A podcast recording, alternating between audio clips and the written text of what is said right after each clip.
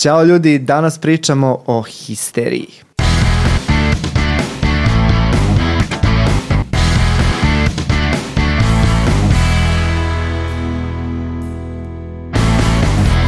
E pa draga moja Olivera, opet smo uh, ja i ti ovaj, u jednoj epizodi. Mnogo mi je drago da smo se vratili na, ovaj, da kažem, uh, naša inicijalna podešavanja. Čini mi se samo nam Mihajlo fali ovaj, sad, ali on uh, sprema svoj specijalistički ispit, tako da nismo hteli danas da ga diramo. Da nema nikom da kažeš ovaj, da on skoro položi ispit. Mislim, prosto da. nek to bude naša tajna. To, to, da niko ne zna. Da.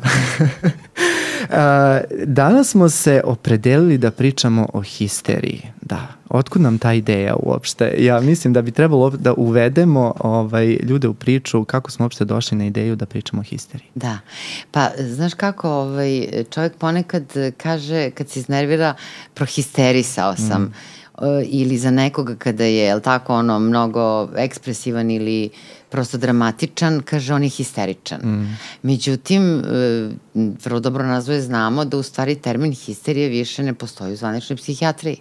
Tako je, tako da. je. I, I nekako čini mi se da smo i prethodnih, uh, u prethodnih koliko smo imali 20 epizoda i kusur, uh, stalno razbijamo neke predrasude i nas dvoje kroz razgovor uh, kao šta bismo sledeće mogli da, da razbijemo kao predrasudu i čini mi se da je to jedan vrlo zloupotrebljen termin. Prvo što čini mi se da pravi jedan veliki raskol između, um, uh, kako bih rekao, nekako se najviše odnosi na žene, a tu ima i neka istorijska podloga, pričat ćemo o tome. A, I čini mi se da u poslednje vreme ima jedno vrlo pežorativno značenje, a, što mislim da bi danas trebalo da objasnimo zašto je to tako i šta u stvari histerija predstavlja. Upravo tako, ovaj, znaš, sad si me asocirao na pošto, je li tako, u psihijatriji mi danas govorimo o jednoj grupi poremeća koji se zvanično nazivaju disocijativni i konverzivni poremećaj i u stvari sad postavlja se pitanje da li su oni u potpunosti znak jednakosti, ono što su nekada psihijatri diagnostikovali, ili tako, kao histeriju. Međutim, meni je krajnje simpatično kada osobe koje pokazuju simptome tog stanja za nekoga druga kažu, jao, doktorka, on je histeričan. Mm, Bez mm. svesti o tome u stvari da e, histerija koja u stvari predstavlja jednu vrstu fosiloboljenja uh, jednog od redkih, ili tako, psihijatrskih poremeća o kojima ima zapise stare 4-5 hiljada godina unazad. Mm. Mnogi poremeći su se nekako menjali, a histerija baš ima dugu tradiciju. Da, da. i mislim da, da je u stvari istorija histerije najinteresantniji aspekt cele, ovaj, cele priče o istoriji, ali pre nego što se bacimo na, na istorijat i jedva čekam, moram ti kažem, a, ajde samo da te pitam šta je tebi prva asocijacija kad kažeš a, histerija u kliničkoj praksi. Jesi imala neku, mislim, posle ćemo mi da kažemo to nije u stvari e, zvanično histerija i tako, ali da. evo sad ovim tvojim, sa, sa ovim tvojim znanjem, kada go, ka, govorimo o histeriji, jesi imala nekog pacijenta ovaj, a, e, koji ti onako ostavio baš dominantan utisak kad je ovaj poremeć u pitanju? Apsolutno, apsolutno. E, moram priznati da to nije bilo tako skoro. Mm -hmm. e, svoju karijeru počela sam davni 1300 i neke godine, kada sam radila u kliničkom centru i tada u klinički centar, jel, odnosno klinika za psihijatriju imala jedno istoreno odelenje navali. Jako žao što je to zatvoreno početkom bombardovanja, sjajno iskustvo i divni ljudi su radili na toj avali i pošto su to one neke posleratne godine, posle mm. raspada bivše Jugoslavije, jel, i bilo je dosta pacijenata koji su tako imali neke elemente nečega što mi nazivamo histerijom. Međutim, sećam se jednog dežurstva, ja mlad lekar, praktično 4-5 meseci ukupno na psihijatriji. Si bila sam. specijalizant u da, stvari? Da, da, specijali, da. bila sam ono IPO. A IPO, bila, ti si bila IPO tada, da. Da, tad sam da. bila IPO, jeste. I, ali smo sami dežurali, e, bez starijeg specijaliste i zove mene sestra i kaže, doktorka, hitno dođite, jednoj pacijentkinji nije dobro, ulazim u sobu i zatičem pacijentkinju koja leži, ovako ruke se postavila na grudni koš kao da je mrtva. Pri čemu, ako je dotakneš, ona je bukvalno tvrda kao kamen. Ali ne da sad ja, ja ako pokušam recimo da je pomerim ruku, da ona pruža otpor. Ne, ona je kao skamenjena. I u tom momentu, mislim, ja sam naravno najviše u toj životnoj fazi učila od sestara, one su briljantne, e, iskusna sestra Dobrila, sećam se odlično, pita mene šta da radimo, ovaj, i pošto je meni još uvijek bilo, da kažem, to školsko znanje negde, ali ono knjiško znanje u glavi, dosta sveže, ja se setim jedne knjige ne iz psihijatrije, nego iz neurologije, koju je pisao profesor Lević, gde je ono pisao da bismo mi razlikovali pravi epileptični napad od pseudo ili tog takozvanog histeričnog napada, jel? onda u stvari treba pacijentu da damo injekciju recimo fiziološkog rastvora ili znači bilo neki, neki placebo i onda da kažemo sad kad izbrojim do 10, sad će prestati napad. I kada je zapravo napad histeričan, pacijent se za 10 sekundi smiri. Ja se setim toga, iako nije bio u pitanju ovaj, napad nalik epileptičnom, I ja kažem iskusnoj sestri Dobrili, Dobrila, molim vas donesite onaj, a tad smo stvarno imali donaci, donesite molim vas onaj francuski lek, onaj poseban lek. Dobrila shvati o čemu se radi, dođe i jako teško, vrlo vešto, ona morala nju malo da pomeri, jer ona je potpuno ležala luko zatvorene oči, kao da apsolutno ne reaguje. I e, daju nekako tu inekciju i sad ja, navodno, jel, Dobrili objašnjavam kako će lek da deluje. Mislim, to mi se zaista da jednom desilo u životu, potpuno deluje magično. I kažem sad kad izbrojim do 10, vidjet ćete kako će ona sad polako počeće lek da je deluje od, pa, od prstiju i polako će prsti po, polako da se opuštaju i sad izbrojim do 10 i kaž, ovako kažem sad će polako i ono kreće da pomera prsti, dalje ukočena kao kamen. I kažem, pazi, potpuno na konkretnom nivou, Kažem, sad će polako taj leg da deluje na ruku, pa sad evo polako zglob, pa ajde da vidimo sad kako lakat se opušta, deo po deo, na kraju, ja kažem, sad će ona da sedne i ona onako seda, još su uvek zatvorene oči, ja kažem, dobrila, sad će ona počne da plače i ona kreće da plače. Ja nikad više u životu nisam imala slično iskustvo, to moram da priznam. Znala sam da osobe koje boluju od ovog poremeća koji zvanično nazivamo konverzivni u stvari poremećaj, da su sugestibilni, dakle da jako lako prihvataju mišljenja drugih. Zbog toga i cijela ona priča o hipnozi, verujem da ćemo se dotaći hipnoze. I tek kada je sve prošlo, ja sam saznala u stvari šta se desilo. Desilo se da tog dana bio je vikend i njoj je bio sin u poseti. Sin e, i njoj je drugi sin poginuo na ratištu. I onda su se posvađali i taj sin je rekao da je ona kriva što ovaj drugi nastradali i otišao na ratište.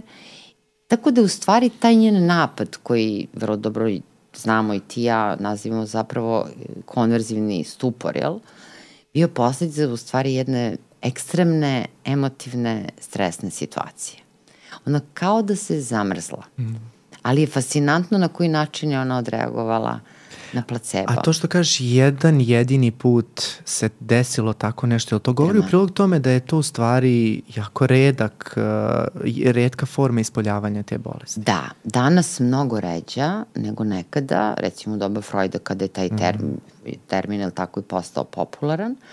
Međutim, dešavalo mi se kasnije tokom prakse, novali ih je bilo dosta, moram mm. priznati, u tim posleratnim godinama, uh, bilo je pacijenata koji su vrlo često imali te napade nalik epileptičnim sa bacakanjem, sa tim trzajima tela i tako dalje. E, međutim, ono što smo imali navali e, takozvani galvanizator, ti to nikad nisi video, to je zapravo puštanje struje, da. I sada je se sećam ovaj, isto jednog e, predivnog tehničara Rajka, onako kad je veče pa pričamo anegdote, taj galvanizator je služio recimo ako neko ima to što mi zovemo, je tako, psihogenu, recimo anesteziju, ne osjeća deo, je tako, recimo ne osjeća dodi ruke, ali neurolozi utvrde da on nema nikakav neurološki poremeć, jel? I onda to proglase psihogenim, odnosno, jel, ranije histeričnim. I onda smo mi puštali struje tim galvanizatorem i tako smo lečili ta stanja. I sećam se, Rajko jednom priča, kaže, doktorka, mi dajemo pacijentkinji struju, onaj galvanizator, ona ništa ne reaguje Ja kažem da jače, ništa, mi povećamo još jače ništa. Kaže, ja uzmem, udarim na sebe, kaže, kad sam odleteo. Aha. Tako da, histerija jeste velika lažljivica u smislu da imitira razne bolesti, ali ona stvarno postoji. E sada nekad malo moram priznati, ovo što si lepo rekao, taj termin histeričan ima pežorativno značenje, ne samo među lajcima, nego i među nama lekarima. Nekad imamo utisak da dovoljno ne razumemo te ljude. I meni da. se čini. I Jel imaš taj utisak? Mm. Sad kad si pričala, asocirala si me na, na e, dva slučaja koje sam ja imao u praksi, e, nekako Da li je to sad, nisam siguran, nemam, nemam neke epidemiološke podatke ko što i ne postoje sad u literaturi koliko je sad učestalost, jasna učestalost uh, histeričnih poremeća, odnosno disocijativnih poremeća, ali um, kada sam došao na dečije odeljenje, e, isto tako kao vrlo mlad specijalizant dečije odeljenje, bilo moje prvo, ovaj, jedno od prvih iskustava kada dolazim i dolazi jedna pacijentkinja sa vrlo jednom onako a, a, koloritnom, da kažem, simptomatologijom, a, gde između ostalog se ono onesvešćuje, kako roditelji kažu, do 50 puta dnevno. 50 puta dnevno ona pada u nesvest. I sad mislim, uzeti anamnezu, uzeti podatke od takve pacijentkinje je bio pravi izazov za mene koji tek učim da pričam sa decom, pričam, ona ja mislim u tom trenutku ima možda 12 godina. I uh, ja u tom trenutku sveže sa fakulteta znam samo za koncept uh, disocijacije kao, kao takav, ali ne znam ništa niti kako se to leči, nego ja to kao uzimam podatke i ona u toku uzimanja podataka se onesestila 10 puta. Desetak puta je ona samo... Ali kako da kažem, ima taj naš valjda osjećaj gde mi kad pogledamo kako se to dešava, to je onako jeste vrlo karakteristično. Znači ona je nekako padala, ne znam sad kako da ti to opišem, znači to je baš pravi, one, znaš one slike a, a, imaju sad i mimovi online i, i imaju te, te klasične slike ovaj, kako se histerija predstavlja i u filmovima i šta ti ja znam u serijama, pogotovo španskim, jel? Ovaj, odnosno tim južnoameričkim, da. ovaj, u, u tom momentu kako, kako ona onako dramatično pada. I onda, ona je nedvosmisleno bila ovaj, disocijativni poremećaj, ovaj, to, to nije bilo nije bilo dileme, ali mi se posle toga opet desilo, što će možda i govoriti u prilog tome da je kod adolescenata značajno, značajno češće nego ovaj, u, u nekoj starijoj populaciji, ja kažem, A, posle par godina dolazi ovaj, jedna pacijentkinje donose na nosilima. I to je nešto što je onako, već sam ja u tom trenutku imam malo više iskustva, ona je pacijentkinja profesorke, ovaj, profesorke Milice Pejović, ovaj, naše mentorke, gde ona ovaj, onako unesena na nosilima, velika fama se tu digla, svi roditelji prezabri, preznojeni, a, dolazi na institut kod nas. Znači da. na u psihijatrijsku ustanovu nakon lečenja i ispitivanja u institutu za majku i dete gde su isključeni svi drugi neurološki, somatski, telesni poremeći i tako dalje. I, ovaj, I mi onako sad kao, kao mladi lekari uvek priđemo sa entuzijazmom ko sad ćemo mi da otkrijemo, baš smo pričali pre ove epizode, sad ćemo mi neka monoklonska antitela da vadimo, da vidimo da li tu nema nešto. I kada iskusan psihijatar, kao što je Milica Pević, izađe i samo kaže, upravo ovo što, što si ti uradila, sada će ona da ustane i da pokuša da hoda i da dođe do moje ordinacije peške bez ovih nosila. I ona je tako, znači trebalo je samo jedna rečenica da se kaže, ona je to Može, može sve, pokušat će, može ona to sama, znači onako uz malu pomoć, ali nekako se to eto rešilo za 15 minuta. I to je meni ostalo nekako kao jedna ogromna enigma kada te podstaknete tako, tako neki slučaj na razmišljanje šta to uopšte se u mozgu dešava da, da, da može da ubedi osobu da prosto ima simptome koji su vrlo ozbiljni, a nisu, kako da kažem, nemaju telesnu podlogu. I Tako jedva je. čekam da se, da se bacimo malo u neurobiologiju ovaj, svega toga. Da. E, a, e, rekla si, a, sviđa mi se to što si rekla fosil oboljenje. Da. Znači, Egipćani još pre ne znam koliko hiljada godina na, našli zapise da se... 2000 godina, ja mislim, pre novere. Da, da. da. A, ali fenomenalni su zapisi. Jesi video kako su ih lečili? Da, ono, Sa, aha. stavljali su a, a, a, ekstra staklecog tela iz svinja, je li tako, da, tako nešto, je, da, da leče sle, slepilo ili Da, gluvilo. da, da, da, da, da. slepilo. Tako uzmu staklasto telo Hit. svinje i onda stave uvo i onda izgovaraju magične reči i sprovode neke rituale. Ali znaš šta, verovatno je to delovalo. radilo, da, da, sad hoću da način kažem. na koji, evo ovo što sam ja uradila, jel, pokazivala, samo ovako, kažem, sad će da deluje, pazi, pazi, lek koji deluje odavde, mislim, nema logike, jel? mislim, jel? Ali je zaista pomoglo. Da. Jer ono što stvarno karakteriše ta stanja, to je to, to nekritično prihvatanje tuđih stavova koje mi nazivamo, jel tako, sugestibilnost. I u stvari, često se misli kako mi, psihijatri, razno oboljenja lečimo na taj način, a nije histerija, odnosno konverzivni poremeći, kako ga danas nazivamo, on je baš specifičan po tome. Mm. Znaš, sad si me podsjetio, relativno skoro sam pokušala da imam jednu vrstu reprize tog svog, eh, ovaj, te, tog svog, da kažem, nekako... Poduhvata. Ovaj, poduhvata, hvala ti na pomoći od pre mnogo godina. Radila sam ambulantu ovde u Palmotićevu kod nas i ovaj, e, doveli su ženu koja je imala klasične simptome e, histerije, ali ovoga puta drugačije, jer, jel tako, histerija imitira praktično razno oboljenje, jel?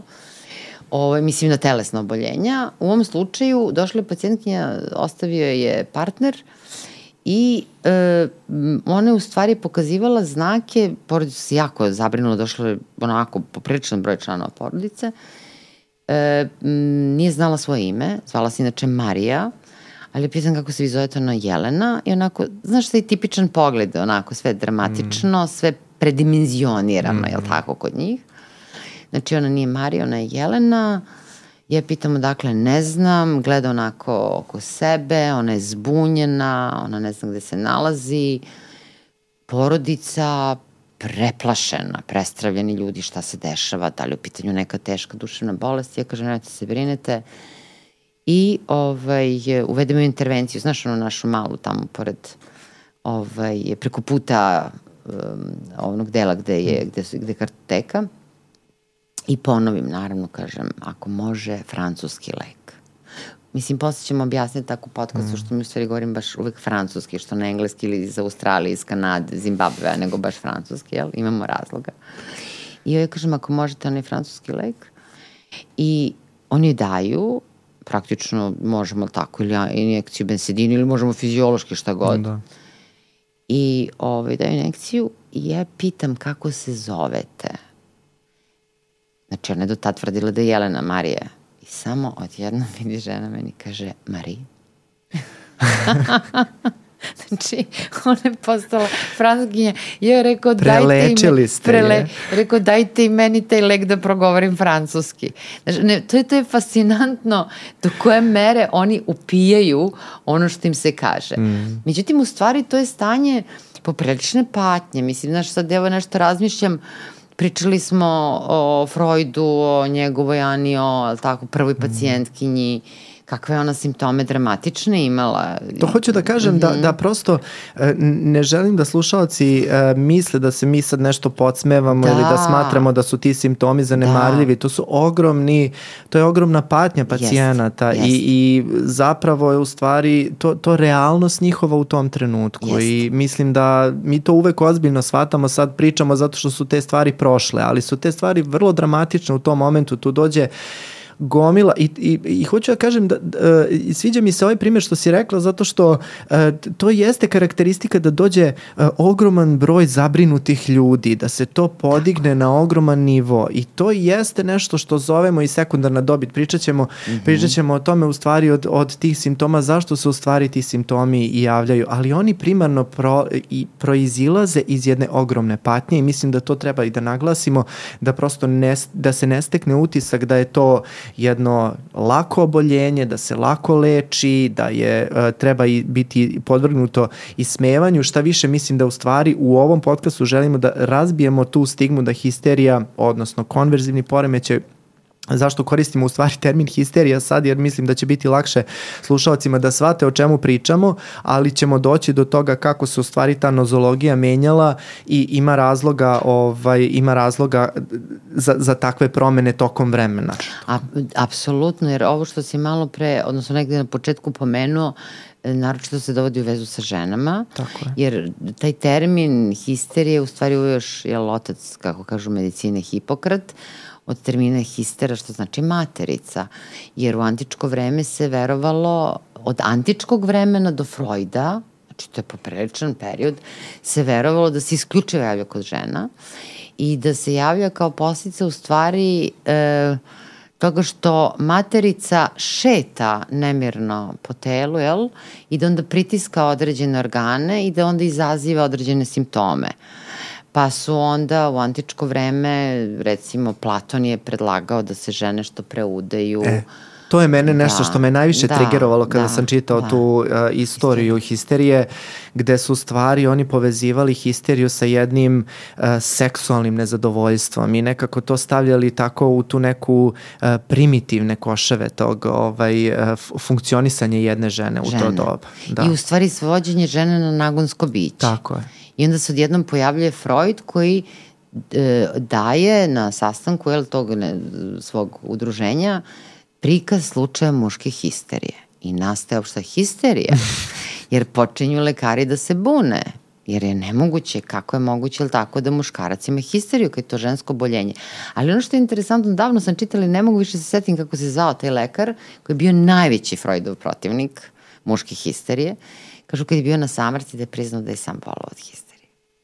Pa stvarno. Pa da. Da. I onda normalno da će da. sa, znači nekako uvek oni koji se najviše bune protiv nečega u stvari imaju najveći imaju problem. Razloga, imaju što razloga, rekli, zašto. Što bi rekli klinci imaju išju. Išju. sa tim, da, da. da Ali e, isto i jedna od onako vrlo kontraverznih ovaj, e, teorija od samog početka bila ona Šarkova teorija. Da. Kada, znači, uh, kako je bilo uh, njegov ona tehnika kompresije ovarijuma, što mm -hmm. je meni mhm. bilo nekako, mislim, lobotomija nad, nad ženom, mm -hmm. čini mi se da kad se sprovodilo. Pa to, sad malo pre smo pomenuli francuski jezik, Šarko, ti vrlo dobro znaš, je zaista bio jedan izuzetan francuski lekar koji je živao tamo negde kad i Freud i ovaj, kažu da kada je on imao te demonstracije znači u amfiteatru je u stvari dovodio te žene, te svoje muze, jel? Mm, mm. koje su bolovale od histerije i onda je demonstrirao te histerične velike napade. Ovaj, uh, on je zaista uh, počeo terapiju sa tim kompresorom ovarijuma, pa onda sa tim nekim histerogenim tačkama i tako dalje. I znaš da smo pominjali onaj film Augustin, mm on je stvarno fenomenalan i nekako baš verodostojno opisuje i te crteže tog kompresora ovarijuma i te histerogene tačke koje se pritiskuju. Kasnije on uveo naravno hipnozu, pričat ćemo o tome. Ali ono što je meni bilo interesantno, to je u stvari da je u viktorijansko doba kada znam da su tako postali mnogi tabuji vezani za seksualni život, u stvari prvi vibrator napravljen da bi se lečila histerija. Da. Čoveč. Znači, vibrator se koristio u medicinske svrhe. Mm. Da. A bili su i oni um, u jedno vreme, sad ne mogu tačno da se setim u kom veku, kada su uh, histerične žene, takozvane tada, ovaj, bile um, uh, proglašavane za veštice da. i progonjene. I čak imaju, mislim imaju zapisi to kao progoni, ovaj, progoni veštica u to vreme, mislim stvarno je, jezive priče u, apropo tih kontraverziji u, u srednjem veku. I... Pa, kako se zove snimljene film? Ja mislim da, se, da je nekoliko ovaj, verzija snimljeno, čak jedna serija uh, uh, veštice iz Salema. Aha, Znaš e, veštice iz Salema, tako jeste, bilo? jeste, jeste. Da, u stvari to su bili ti masovani histerični napadi. Mm, kad mm. je pobijeno ne znam koliko, odnosno kada je spaljeno na lomači, ne znam koliko, do duše i muškaraca, najviše žena, a kažu ovaj, neki izvori da su čak i pse ovaj, pobili zbog kao, jer su smatrali tako pod uticem tih augustinovskih shvatanja, da u stvari ne postoje psihijatrijske bolesti, nego da su to demoni koji zaposedaju dušu tih žena. Mislim, jezivo su žene prolazile kroz istoriju, upravo. Sad se ja pitam samo čija da. je to histerija bila, ta da, masovna tačno. histerija. Da, da, da apsolutno. A, I meni su bile interesantne i te slike, sad imaju te fotografije koje su izložene po muzejima, ovaj, kada je, kada je Šarko u stvari imao te svoje lekcije, takozvane i demonstracije, to se kao e, karakteristično odigravalo utorkom i petkom, ako se dobro sećam, i ovaj, imaju fenomenalne fotografije fotografije koje pokazuju u stvari uh, kako njegovi studenti rade sa, sa ovaj, pacijentima koji su u tom trenutku diagnostikovani kao histerija i nekako se, uh, čini mi se prvi put kao fotografija javlja jedan klasičan oblik, uh, oblik histerije. Tada je bila ona njegova pacijentkinja, kako se beše zvala, Blanche. Mm, Blanche, Marie Wittman, tako? Tako, Jeste, da, da, da, da, da, da. Gde u stvari onako, tačno se vidi ta neka odakle mi sad kada pomeneš uh, histeriju podsjećate na ona jedan znaš ona jedan stav onako ruka preko čela i onako iskrivljenost ali to u stvari nije slučajno da. nije slučajno jer da. su te prve u stvari oblici opisani oblici histerije upravo tako izgledali Da, sad kad si rekao iskrivljenost, taj period u razvoju psihijatrije nazivaju periodom iskrivljenosti, jel? Razliku od sad koji nazivaju periodom graničnosti i narcizma, mm. naravno. Mm, mm. Ali ovaj, da se vratimo na to neko vreme, da, znaš, mnogo su lepe te slike, pazi, zamisli nje, nju drži Babinski. Mm. Mislim, nama lekarima Babinski je faca, jel? Postoji jedan znak u neurologiji, jel? ovaj Ma svi su oni nama face i Šarko i Babinski. Apsolutno, da, mislim to su stvarno legende, mm, da. Mm. Ali ono što je interesantno to je da je Freud nekih šest meseci boravio kod Šarkoa da bi naučio hipnozu, jer mm. posle Šarko naravno koristio hipnozu u lečenju tih svojih pacijentkinja. I, ovaj, I u stvari, Freud je u tom periodu više bio neurolog. Mm. Znaš, ona priča da je on čak prvi nacrtao sinapsu, jel, odnosno spoj između dva neurona pre, ne znam, neurologa i neuronaučnika. I u stvari Freud je pokušavao da nađe neke biološke osnove, jel, uh, E, različitih mentalnih poremeća, ali je shvatio pragmatično da jednostavno nauka nije na tom nivou. Otišao kod Šarkoa i onda je shvatio da e, hipnoza pomaže tim ženama, ali jedan kratak vremenski period. Međutim, pre nego što pređem na Freuda, ja moram da te razočaram. Pročitala sam na jednom mestu u stvari da te njegove, da kažem, ovaj, pacijentkinje koje su bile vrlo popularne i zbog kojih je Šarko bio popularan, njegove muze. Postoji posebna knjiga ovaj, o tim muzama Šarkovim, da su bile glumice i da je u stvari pitanje koliko... Evo sad ću ja da upadnem u histeriju. Da, da, da, da. Sve su mi lađe potonule, da. Olivera, ne mogu da pa, verujem da si mi sad slomila. Pa jeste, ali šta da ti kažem, ovaj, znaš, neće tako periode kada se otkrivi neke stvari. Pre nekoliko godina ja sam se tako... Čekaj, stvarno su bile glumice? Pa kažu da da. Jer recimo šta se desilo kad je, uh, kad je Šarko umro, onda odjednom se ova uh, Mary, uh, ovaj Whitman, Blanche, e, oporavila i znači odjednom je ozdravila i otišla je da radi kod Marije. Onako, da, da, da, odjednom. I onda otišla da radi kod Marije Kiri. Međutim, tu se da, zaista desila tragedija od radioaktivnog zračenja je izgubila, ovaj, imala gangrenu, sva četiri ekstremitete umrle u mukama, da. Mm. Ali, ovaj, to kad kažeš razočaranje, recimo meni je bilo jako teško kad sam čula recimo za, ovaj, za Galena, Galen, mm. pazi, kao Galen, najveći lekar svih vremena i tako dalje, da je bio karijerista, da je lečio fino ono, imperatore, da je prepisivao drugih i tako dalje. Tako da m, istorija ostavlja dosta stvari, dosta učimo iz istorije, ali istorija kao i histerija. Da. Vija lažljivica. lažljivica, da. stvarima. Da, da, da, da. Ali evo, mislim, čini mi se da uh, kada pomeneš ovaj, psihijatriju kao nauku i naš podcast, zamere nam što se nikako ni ne pominjemo Freuda. I imaćemo mi analitičare i ovaj kao goste, to planiramo svakako, ali ovaj ali evo da se vratimo na te njegove same početke. Da. Znači čovek došao da uči hipnozu kod Šarkoa, čoveka koji se u tom trenutku najintenzivnije bavi histerijom. Da. Upravo ovome o čemu danas pričamo i njegova pacijentkinja za koju i bilo ko ko se ikada u životu zanimao za psihoanalizu ili za psihijatriju zna, se zove Ana O. Ana, čuvena Berta Pappenheim, koja je živela u Beču u jednoj, da kažem, porodici onako viša srednja klasa, kakve su i bile tako Freudove klijentkinje.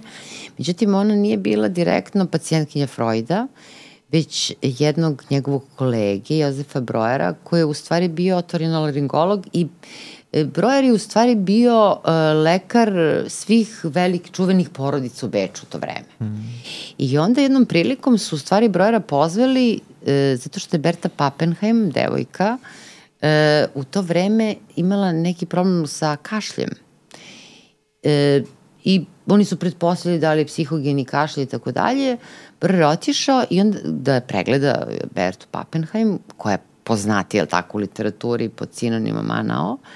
Međutim, šta se desilo? On je shvatio da ona, pored tog kašlja, ima niz krajnje, jel tako, bizarnih, bizarnih simptoma. simptoma. Mm, mm Nije mogla nešto, bila je kao nemogućnost maternjeg jezika, tako pa je. slabovidost, pa nesvestica, pa joj se oduzme neki ekstremitet i tako. tako. I toko vrlo nekako šetajući variabilni simptomi. Upravo toko. Da, to. Da, da. Čak i neki krajnje bizarni imala je onaj osjećaj, tako da joj se neki zmije okreću oko nje i tako da. Da su joj prsti, prsti nešto zmioliki, zmioliki da, da, da. E. I onda brojer je u stvari počeo s njom da radi svakodnevno, jel tako? Tako što je jel tako, hipnotisao, a onda uveče priča s njom o tome, jel tako, o tim njenim tegobama e, i onda uveo taj jedan novi metod. Međutim, šta se desi, literatura kaže da se brojer jako vezao za tu pacijentkinju e, i da je navodno žena bila ljubomorna, ali kako ovaj, u knjigama piše, ne treba se verovati knjigama, ovaj, u knjigama piše da žena to baš nije njemu pokazala, nego tako, prosto kao na nesvesnom planu bila mm. ljubomorna i brojer naglo prekine nju da leči. Pazi, svaki dan pre i, po, po, po, i uveče, znači dva put dnevno on je lečio Bertu Pappenheim, mm -hmm. odnosno no. I šta se desi? Desi se da se njoj pogorša stanje. Ona je e, jednom prilikom došla kod brojara i rekla da je u drugom stanju s njim možemo i da opišemo te fenomene lažne trudnoće ili mhm. pseudocijeze, jer to može da se desi, tako da žena znači, ima ono stomak jel, kao jo, da kako si me asocirala Kaži. sad na jednu, znači moje vežbe iz psihijatrije, da. ja sam to totalno potisnuo e? čoveč. E, vežbe iz psihijatrije, klinički centar, mi odlazimo kao studenti, potpuno nemam pojma o psihijatriji i dolazi nam žena koja prva stvar koja nam govori s vrata jeste da je ona trudna Da. I mi nju, i sad, mislim, malo je bilo čudno zato što ona ima žena 60 godina, ali otko znam sad kao, ajde... Napredovala do, medicina. Pa da, pa, da. šta ja znam sad kao četvrta godina medicine, mislim, možda ću do šeste da saznam da će tako nešto može da se desi. I ovaj, ona nas sad već, već onako kad je krenuo da priča o tome kako ovaj, priča sa svojim detetom, već su stvari bile onako poprilično jasne, em što se nalazimo na psihijatriji, em što su ono simptomi bili poprilično bizarni i kaže ona nama, ona je 16. mesec trudnoće, mislim, i mi potpuni šok. E, sad si me podsjetila, znači, e, vidiš, video sam, da, da. pseudocijeza, čoveče, da. video sam je uživo, eto, sad sam se setio. Da, vidiš, ja da, nikad da. nisam videla, znam samo iz literature i o, ono što je bitno da znaju slušalci, je tako, znači žena izgubi menstruaciju, mm. žena ima stomak potpuno kao da je u drugom stanju. Jedina razlika prilikom pregleda potpuno izgleda kao da je u drugom stanju, znaš u čemu? Pupku.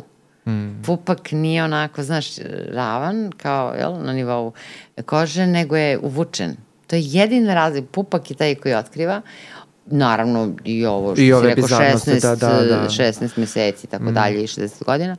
I onda Berta došla u tom stanju koje si ti sad opisao i počela je pred njim da se porađa. Naravno, mislim, to je i rekla kako je to, kako nosi naravno njegovo dete. Njemu bilo jako neprijatno, oni su otputovali tada. Pa samo zamisli tu scenu. Mislim. Kako nije, mislim, dramatično da, da. i na svaki način bolno. Brojer je otišao sa ženom na neki put, ono što je interesantno, vidiš te žene koje su u to vreme imale te, nazove histerične, kako sad zovemo, konverzivne poremeće, bile su u stvari poprilično emancipovane. Pazi, ova uh, Vitmanova je, znači, radila kod Marije Kiri, pazi ono vreme. A na o, kada je, naravno, brojer prekinuo s njom radi, posle bila je u neko vreme u sanatorijumu, kada je izašla, bila je u stvari prva žena socijalni radnik u istoriji U Nemačkoj. mm. Da u Nemačkoj i veliki aktivista i onako baš u onom najpozitivnijem smislu za prava mm. žena. Mislim, mm. ne volim sad i feminizam je prosto dobio značenje koji histerijem, mm. prosto malo se izdeformisao, ali znači vrlo u stvari emancipovane žene, Međutim, on je sve to ispričao Freudu i sad Freud, što bi mi rekli, bio egzekutivan, on je bio operativac. Znači, pustiti sad tu priču, ta priča bi ostala tako tamo negde u nekim papirima da nije bilo Freuda i Freud predloži brojeru da oni, op, da oni zapravo napišu rad, studiju histeriji. I u stvari priča Anio i e, naravno tad Freud uvodi jel tako, ovaj, te prve psihoanalitičke koncepte je u stvari priča o začeću psihoanalize. Mm. Ja verujem da ćemo u nekom od podcasta u stvari mnogo detaljnije pričati mm. o psihoanalizi. A znaš šta me asociralo sada uh, kada kažeš da su prve žene koje su opisane kao histerija bile vrlo emancipovane iz tog nekog višeg socioekonomskog staleža i to, a danas znamo da to je potpuno suprotno. Nekako je, e, valjda zbog tih prvih opisa, uh, se postavljala takva neka teorija da su to žene iz nekog višeg staleža. Ali čini mi se, sad ne znam ti me ispravi, ali čini mi se da je to u stvari bilo zato što su one imale pristup lečenju i što su one u stvari imale pristup takvim stručnjacima kao što su bili Šarko Freud ili da. šta ti ja znam. Ali danas nekako znamo da, da, da niži socioekonomski status i, i ruralna sredina i da kažem primitivni način razmišljanja je nešto što karakteriše konverzivne poremeće. Jeste. I ono što, što mi danas stvarno redko srećemo, vidiš i u tvom i u mom nekom kliničkom radu do sadašnjem nismo se baš susretali sa takvim kliničkim slikama kao što je Freud na dnevnoj bazi ili Šarko, Šarko kažu da imao neverovatnu energiju i da je prosto bio jako ambiciozan čovjek, ali kako kažu, njegova ambicija je bila u skladu sa energijom, što je mnogo važno. Mm. I on je imao enormno veliki broj pacijenata sa ovom vrstom simptomatologije, toga danas više nema. Ali ono što danas postoji, to je da se pojedini simptomi javljaju i da se e, ređe javlja kao posebna diagnoza, a da se u stvari ti neki od simptoma, jel tako, a da pojednostavimo, jel tako, slušalcima, to su u stvari lažni, pre svega neurološki, jel tako, simptomi. Mm. Znači kad neko ima e, m, prosto e, psihogeni, znači bez organske osnove, problem sluha, vida, dodira ili pokreta, koliko puta smo videli ili tako i kod nas pacijente koji imaju problem recimo ima paralizu noge, mm. znaš, nesposobnost da hoda jel, na jednoj nozi, a u stvari je organski potpuno zdrav. Mm. Ili recimo psihogeni bol, takođe se može smatrati donekle, tako, uh, i ovaj, e, oblikom konverzivnog poremeća, odnosno histerije, ali mi daleko češće te simptome danas viđamo u okviru ovaj, drugih poremećaja, recimo mm. u okviru depresije ili nekih anksioznih stanja. Mm. I ti si, ono, dok smo, se, dok smo dolazili do ovde, lepo pomenuo taj fenomen patomorfoze. Mm koji u stvari postoji u psihijatriji. Da. Tako je, tako je. Znači, da pojasnimo prosto šta, je, šta, šta znači. Dakle, patomorfoza u stvari menjanje da kažem, morfologije psihijatrijskih poremećaja kroz vreme. Šta to znači? Znači da se simptomi su karakteristični za određeno vreme. Nekad smo imali, e, kada govorimo o konverzivnim poremećajima, nešto što, se, e, što je bilo dosta nekako dramatičnije. Znači, bila su psihogena slepila, bilo je psihogena nemogućnost stajanja, nemogućnost hoda, gluvilo, gluvoće, gluvilo, gluvoće. Znači, bilo je znači, dosta, dosta dramatičnije nego danas. Danas je to nekako je onako, čini mi se, lokalizovano, um, manje izraženo, I to se nekako, eto, interesovalo me sad, pošto smo pričali o tome, malo sam, malo sam i čitao, nekako čini mi se, e, mislim, čini se i drugima da je u stvari jedna, e, u pitanju jedna bolja informisanost ljudi o, o, o prirodi e, neuroloških stanja, da prosto ne može čovek baš na jednom da oslepi tako lako i ne može odjednom da i ne, nema nikakva mogućnost hoda, nego se to ograničava na to što ti kažeš parestezija, odnosno kao nemogućnost osjećanja dodira, na jednom lokalizovanom delu kože ili mislim tako nekih ovaj Apsolutno. Pa ti znaš kako mi ono učimo mlade lekare, je tako? Ako recimo meni trnu ova dva prsta, ne ova strana, znači ova strana i ovaj deo je šake, jel? Onda znamo ko je nerv, jel? Mm -hmm. Ako trnu ova druga tri prsta, znamo tačno ko je nerv oštećen. A ako nam neko kaže da mu trni cela šaka, jel?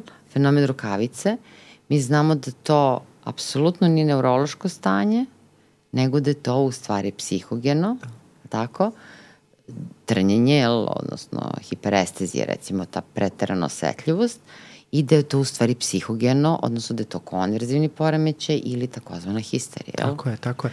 I um, ono što je nekako meni sad tu prva asocijacija, to je ta neraskidiva veza između neurologije i psihijatrije, gde koliko god neki ljudi ovaj, pokušavali to da, da onako baš uh, hardcore razdvoje jedno od drugoga, nekako je nerazdvojivo.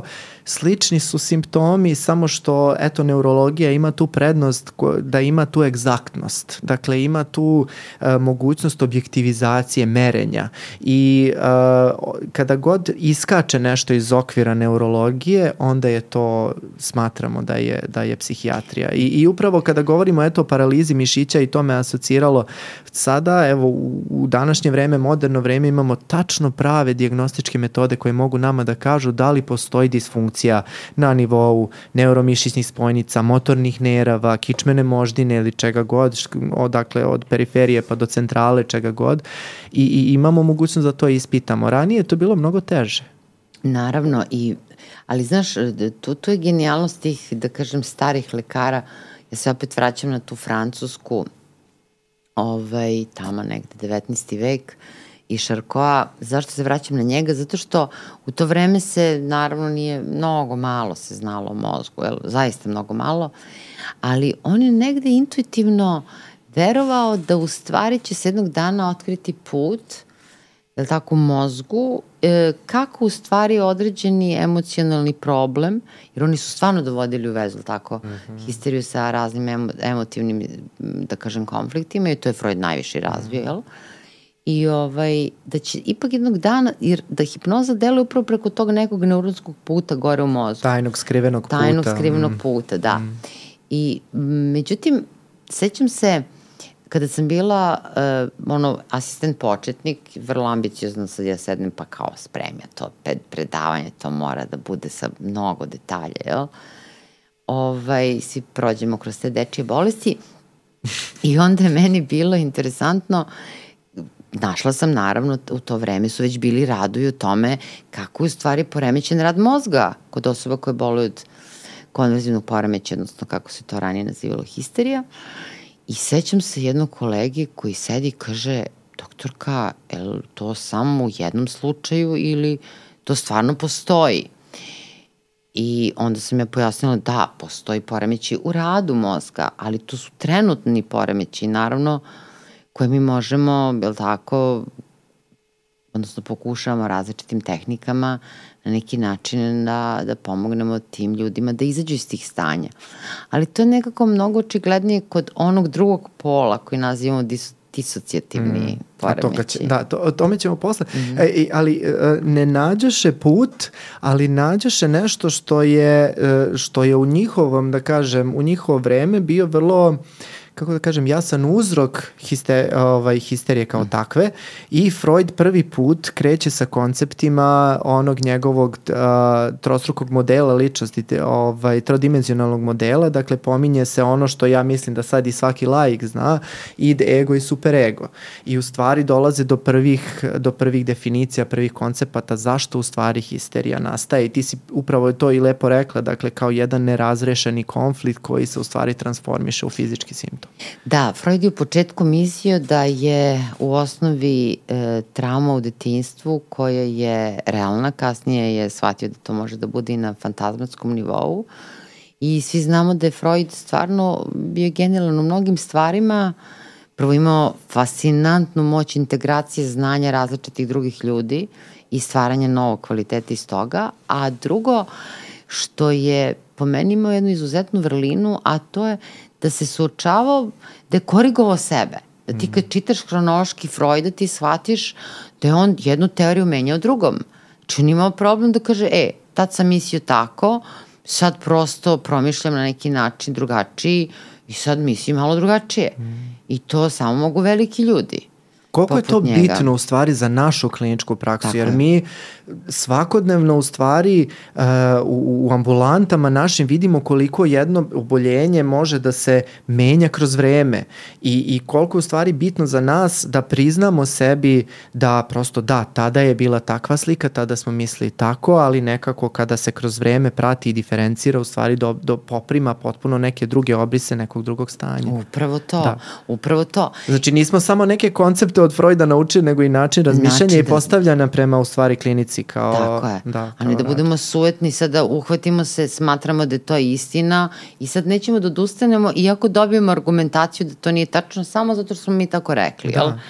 Jednostavno... Ali, ali nekad mm -hmm. dobijamo, moram da priznam, dobijamo i kritike od, eh, evo ja konkretno od roditelja, a možda neki drugi od rodbine razne, da u stvari uh, kao kako, si mogao, kako ste mogli da, da vidite, ne znam, ovo dete prvo kao ADHD, posle kao uh, mešoviti poremeće razvoja, pa onda posle autizam i šta ti ja znam. Znači, moramo nekako da objasnimo i, i, i to da, da psihijatrijski poremećaj nisu toliko egzaktni kao, uh, kao somatski poremećaj. Čini mi se da to nismo dovoljno naglasili u našim prethodnim epizodama i da ta, uh, da ta patomorfoza može da se dešava i kod jedne osobe kroz jedno, da kažem, kraće vreme. Tako je. I da u stvari kada nam dođe pacijent prvi put mi ne možemo da znamo odmah, na, neke možemo naravno da zaključimo kroz iskustvo i tako dalje, ali vrlo često se ta simptomatologija dosta menja i tek negde nakon par godina možemo da Tako kažemo je. zasigurno šta je to bilo Tako u pitanju pitanju. Mi zato i kažemo praćenje, treba nam vreme, ne možemo odmah da postavimo diagnozu. Ali tu su u stvari e, lekari koji se bave telom mudri od nas, oni zato lepo kažu diferencijala diagnoza, oni ne kažu ono diagnoza, nego to može da bude to, to, to ili to, pa ćemo mi onda da ispitamo. Mislim da bi i mi trebali da imamo onda takav pristup, mm. da kažemo mm, treba da razmislimo, jer to može da ide u ovom smeru, u ovom smeru i onda prosto sebi damo uh, Ja moram priznati da ja trenutno to i ra... Mislim, Super. kažem, u ovom trenutku to izgleda tako, to da. ne mora da znači da će tako to biti. Je. S tim što ja imam da kažem, mislim ne ja, nego svi dečiji psihijatri mm -hmm. imamo tu neku a, komponentu razvoja gde ni ne možeš, mislim da si najveći na svetu ne možeš da kažeš da je u tom trenutku to 100% to. Mogu samo da pretpostavim, pošto ja stvarno ovaj, dečiji psihijatri jako malo znam, uh, ono na studentskom nivou, mm. ali e, razmišljam sad ovo što ti pričaš je stvarno jako važno. Zamisli ti dete koje pratiš, koje ima tri godine, pa pet, pa sedam. Mislim, šta se dešava sa zdravim detetom, koliko se razlikuje. A sad zamisli određene tegobe pri čemu još i vi lečite njega, jel? Pa onda samim tim i smanjujete određene tegobe, pa povećavate njegove kažem, zdrave potencijale, tako, tako da ti ne možeš tu da prosto budeš vidovit, jel? Mm, mm. Nego samo da pratiš.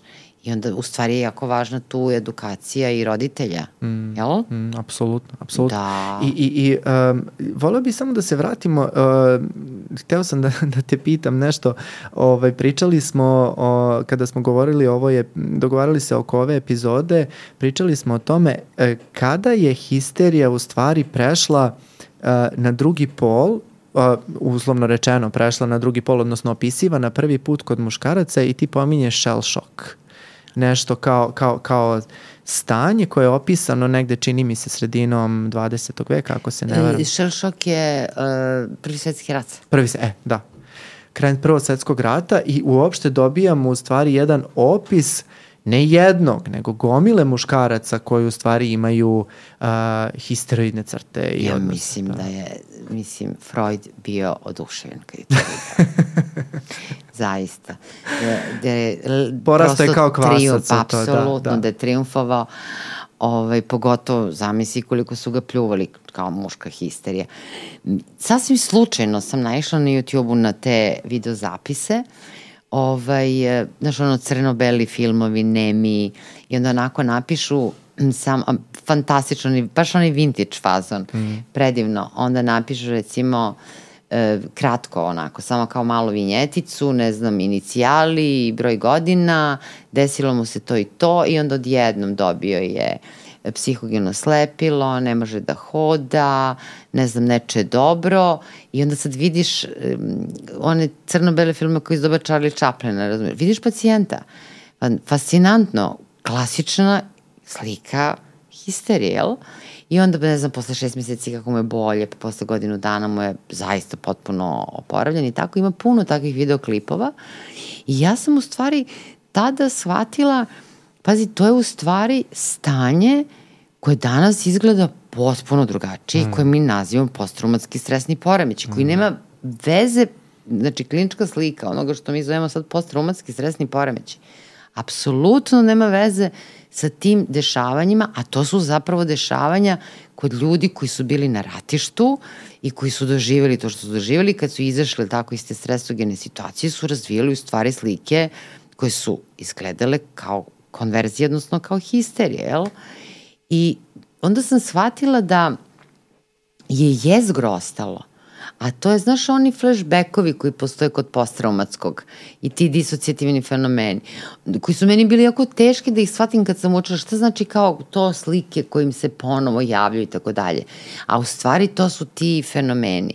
E, to je to. U to je stvari, to prelivanje. Prelivanje. Mm. I to je ono da mm, histerija nije potpuno nestala, nego da je ona promenila lokal. Da se sada, znači, ne javlja kao e, često kao poseban poremećaj, jel? kao taj konverzivni ili disocijativni, nego da se u stvari javlja u okviru drugih e, poremećaja i šta mi je žao? Žao mi je što e, nije tako redko da čak i psihijatri previde u stvari te simptome. I nekada se dešava, nažalost, da se ta stanja proglase nečim što mi u psihijatri nazivamo psihozom. Mm. Jel? Mm. I e, zašto? Zato što nije samo stvar da li ćeš nazvati na jedan ili na drugi način, nego zato što u tom slučaju ljudi dobijaju lekove koji se zovu antipsihotici. A oni ne mogu da deluju kod ovih ljudi, jer mislim, generalno kod ovih stanja lekovi nisu terapija izbora. A znaš šta mi je još, i, i ne znam da li je problematičnije, ali možda jednako veliki problem je kada se a, nešto što je ozbiljna psihijatrija, kad, kad kažemo ozbiljna psihijatrija, mislim zahteva ozbiljnu medikamentoznu terapiju kao što je psihotični poremećaj ili neki, neki teški oblici depresije, a, proglase za histeriju. I to da, se dešava. To. I to se dešava. I Tako onda je. se prosto prođe ispod radara taj taj poremećaj nekoga, da kažemo, ob, obeležimo kao konverzivni poremećaj i kažemo da to će, to će proći. Ja, da. to si potpuno u pravu i e, sad, znaš, podsjetio si me, sećam se, ovaj, kao mlad lekar, da nam jedan stari profesor pričao, pazi, u to vreme nije bilo magnetne rezonance, znači u vreme kad je on jel, radio aktivno kao lekar, uh, Nažalost, ovaj, da je pacijentkinja bila proglašena da je bolovala od histerije, odnosno sad bi to nazvali konverzivni poremeći. I kad je preminula, da su na obdukciji u stvari našli tumor u predelu produžene moždine. A isto si mi podsjetio na jedan slučaj koliko je zato važna ta spona između medicine i psihijatrije. Svećam se jedne pacijentkinje, došle kod mene, e, imala je tako negde 50 godina i bila je direktor u jednoj firmi i šest meseci unazad dobila sam podatak da je prestala da radi, dala otkaz. Ovaj, lečili su je u domu zdravlja, malo su je davali antidepresive, malo antipsihotika, posle šest meseci došla prvi put kod mene sa sestrom i nas smo ostale same, da razgovaram, pitam kako provodi vreme. Ona kaže, pa uglavnom na groblju Ja kažem, ko je preminuo? Kaže, majka. A lečili su je od depresije. Mm -hmm. Lečili su je od depresije. I ja posle toga ulazi njena sestra i kažem, izvim saučešće naravno i kažem, čujem sestra je svaki dan na groblju. Žena me pogleda kaže, pa majka je živa. I naravno ja shvatim da ona ima problem sa pamćenjem mi to u psihijatriji tako nazivamo konfabulacije, kada neko rupe u pamćenju popunjava jel, nekim izmišljenim sadržajem. I bilo je popodne, utora popodne, je odmah kažem sutra ujutru da dođe na odelenje. I znaš, kad imaš dobru glavnu sestru, onda nemaš problem. Ja glavni sestri zamolim da se uradi skener. To su bile metastaze po celom mozgu. Mm. E, to je važno mm. i zbog toga je spoj između medicine i psihijatrije mnogo bitan. Ti si prepuna tih priča i, i molim te samo da ispričaš o, o, ovaj jedan slučaj. Meni je taj slučaj nekako ostao dominantan kada govorimo o spoju medicine i da. psihijatrije, kada se je otišla u konsultaciju za onu jednu pacijentkinju za koju su ovaj, govorili da je u histeričnom napadu, a ona je u stvari imala Antonov sindrom. A, da, sećam se, da. Sećam se toga, to je ovaj, bilo na jednoj klinici, sad nije važno na kojoj, i ja dolazim i pregledam, niko nije registrovao da žena ima problem sa vidom. Mm. I došla sam popodne, ovaj, nije bilo osim dežurnog lekara. A ona ja... se u stvari ponašala potpuno, da kažem, poznat smo navoda histerično, da, znači da, razbacivala da. oko sebe, Absolutno, nešto udarala u stvari. Da, apsolutno. Da, da. I ja potvorim istoriju bolesti i kažem, da li neko zna da je ova žena slepa? Je neko primetio? Niko nije primetio. Da, Mnogo to. je važno. Pa to je ona suština priče. Nekako, ovaj, svi mi lekari smo, ako ćemo terminima statistike jedna plus minus dve standardne devijacije. Mi se mnogo ne razlikujemo međusobno. Mi se samo razlikujemo e, međusobno i sami sa sobom koliko vremena posvetimo pacijentu. Ja kad god sam posvetila dovoljno vremena, nikad nije bilo problema. Ako sam nešto u frci, ako nemam vremena, ako sad ja razmišljam o tri stvari paralelno, onda previdim. Mm. Znači, moramo da se posvetimo pacijentu.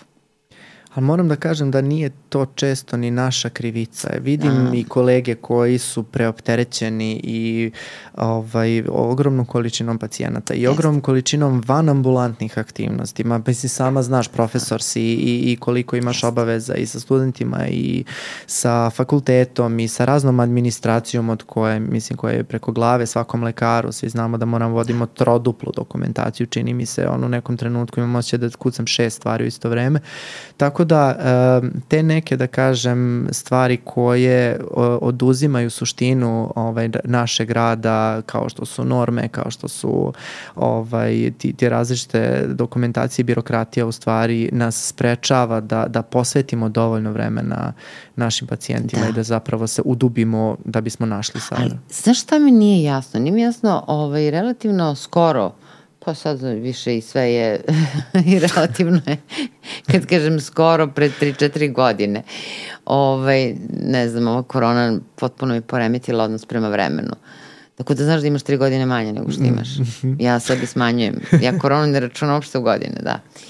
E, našli smo neke stare istorije bolesti u Palmotićevoj. I kad sam ih otvorila, ja sam bila fascinirana. Znaš, Roberto, kako A to izgleda? Čime? Znači, e, toliko su pisali. Znači, ja sam mislila da smo mi kao to administracija. Stvarno? Da. Znači, do detalja, pa onda krasnopis. Pa znaš li ti koji su to, koje su, koji to, koje bogatstvo materijala? Ja ne znam, je li tad vreme bilo usporeno odnosno na sada? Ozbiljno ti kažem. Znači, oni su sedeli i pisali i pisali i opisivali te ljude i pacijente i sve. Ja ne znam otkud ima toliko vreme. I, ali znaš li ti ko je to administracija? Ne mogu da verujem. I oni kad kažu da. što staro vreme, pisaće mašine, ja sam ne. imao osjećao to dve rečenice, ne. znaš, najosnovnije i... Fenomenalno. Ne mogu da verujem, da, čoveče, da, da, da. da.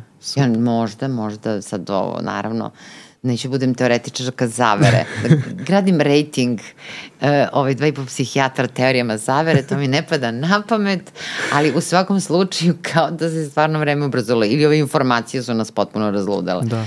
Ne znam, da, znaš, da, da. zvoni jedan telefon, zvoni drugi, zvoni, ne znam, ova vrsta kanala komunikaciona. Ima i toga, moguće. Pa znaš, i... distrakcija pažnje onako i na pet strana. Da, Tako, hipervigilni smo svi sad u poslednje da, vreme, čini da. mi se, da. Za razliku od pacijenata koji, eto, vole od konverzivnog poremeća, mada to kažu nemaju svi, ali kako i to može da zavara, oni imaju taj izraz lica lepe ravnodušnosti. Zamisli osobu koja, znači, ne može da hoda, recimo paralisana, naravno psihogeno, jel to prođe posle nekog vremena, a ima osmeh Monalize na licu. Mm. Međutim, mene to jednom, vidiš, za malo da me zavaralo, radila sam u dnevnoj bolnici i ti znaš da mi imamo dole fenomenalnu glavnu sestru i Zoricu i na... Pozdrav za Zoricu. Za, pozdrav za Zoricu, apsolutni.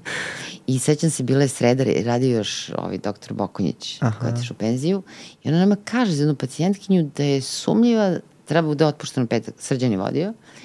I kaže, ovaj, nešto mi kod nje nije baš onako, molim, i stvarno, doktor Bokonjić je posluša, posveti pažnju pacijentkinji, sreda, četvrtak, petak, priprema otpusta, sve uradi kako treba, ovo sve pristojno, nema problema i tako. I petak ja vodim vežbe, e, svi naši pacijenti u dnevnoj bolnici tako od 9 do 10 imenu u grupu i posle grupe, znači ja sam sa studentima, oni nju vode ka intervenciji, ona se tetura dolazi neurolog da je pregled, a pada upravo to što si ti malo preopisao, znači klasično kao kod osobe koje boluje od histerije. Znači oni padaju na način da se ne povrede. Mm. Nema šans, mm. mislim, mm. ovaj epi napad ko dobije povredi se, možda udari u ivicu stola. Umokri se, ujede Umokri se za jezik. Umokri se, ujede za jezik, da, da, da, može da se uguši. Ovde kad se desi to nalik epi napad, oni se nikad ne povređuju. I ovo pacijentike stvarno tako deluje. I onako polako pada, on, on stoji to. Međutim, pozovem ja za svaki slučaj neurologa. Neurolog je pregleda, kaže, ma ne, ovo je čista histerija. I u jednom momentu ja vidim ovako pljuvačku. I pošto sam znala da on ima jedan lek koji izaziva lučenje pljuvačke, je tog momentu kapiram da se ona otrevala lekom.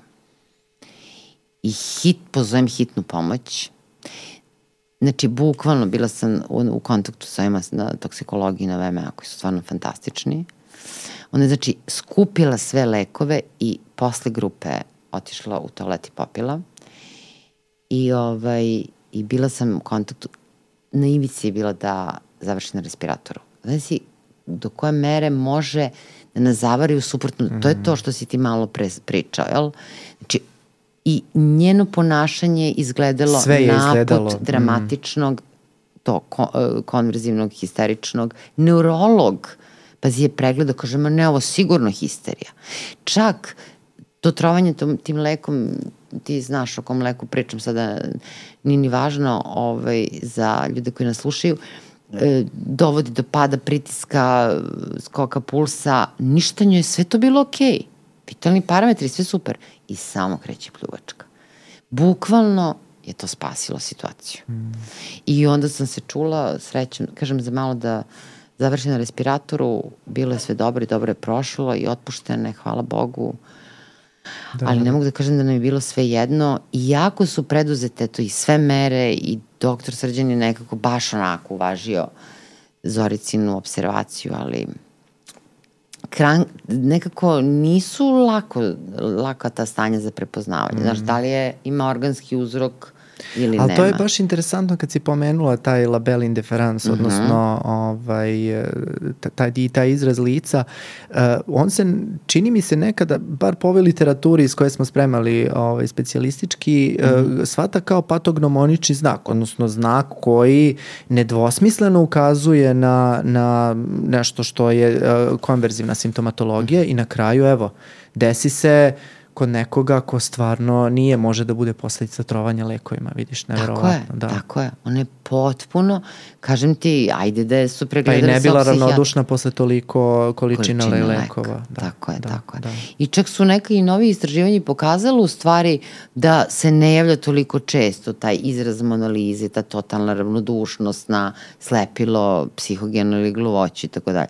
Pa u mnogim filmovima su opisana mm ta stanja. Ali čini mi se da se mi u psihijatriji vrlo lako lepimo na nešto što bi mogli da nazovemo patognomonično, zato što na, kod nas patognomonično nije ništa.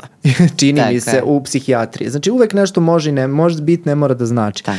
I onda kada uhvatimo nešto što je tako specifično, a to stvarno jeste, zamisli osoba ne može da hoda, a smeje se. Mislim da. ono kao blaženi osmeh, onako polutup osmeh I, I to kad vidiš stvarno deluje bizarno i ti pome, mislim, i stvarno se javlja kod većine pacijenata, ali je stvarno opasno kada ti proglasiš nešto za 100%, jer kad kažeš patognomonično su znači 100% ili blizu 100% i onda stvarno može da, da, da dovede do ovakve situacije ti od ne prepoznaš drugo stanje koje se ispod toga krije. Tako je. Da. I to pazi stanje koje je bilo bukvalno životno, životno ugrožavajuće. Srećom da je hitna pomoć odmah došla, srećom da su odveli i da nekako dobro je bilo, dobar splet okolnosti je bio da se spasi život te žene, da.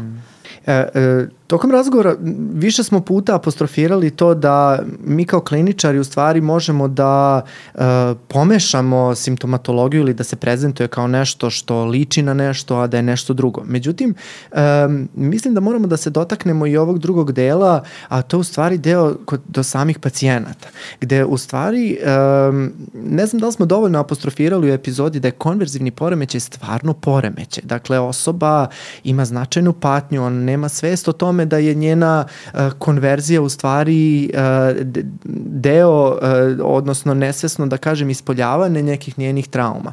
I onda dolazimo do koncepta u stvari lažnih pacijenata, gde mi u kliničkoj praksi vrlo često imamo kliničke prezentacije nekih simptoma kod ljudi koji kako kažem sad onako no, novim rečnikom fejkuju simptome i uh, upravo ono što si pomenula diferencijalno diagnostički imamo i neke načine kako u stvari da izdiferenciramo lažnog pacijenta od osobe koja zapravo pati. I onda smo, ovaj, sećam se i diskutovali smo o tome šta u stvari klasifikuje nekoga kao lažnog pacijenta. To su u stvari ljudi koji svesno, voljno i namerno u stvari a, a, a, stvaraju simptome kako bi se prezentovali bolesnim i žele tako da se prikažu. Odnosno, prezentuju prezentuju to kao deo nekako njihove ličnosti i nastoje da po svaku cenu sa svojom mimikom i grimasiranjem i gestovima i e, na svakakve druge načine u stvari prikažu nama da smo bolesni i kada im se daju sugestije od strane lekara, oni to u stvari ne prihvataju. Jeste. I sad postoji jedna igra reči. Znači, e, osoba koja izmišlja simptome, mi to, ali tako psihijatri kažemo, simulira, mhm. izmišlja simulanti, e, oni neće da mogu, recimo da obave neku funkciju, jel? Za razliku od osobe koje boluje od konverzivnog poremeća, stari naziv histerija, koja ne može, jel tako? E sad, tu je problem e, i kod samog pacijenta, i kod terapeuta, i kod porodice, što pacijenti koji imaju konverzivne simptome, jel? E, oni duboko veruju da su ti simptomi stvarni i oni jesu stvarni, ali to je u stvari došlo, kako mi to u psihijatriji kažemo, do konverzije, do pretvaranja jednog psihološkog konflikta u telesni simptom.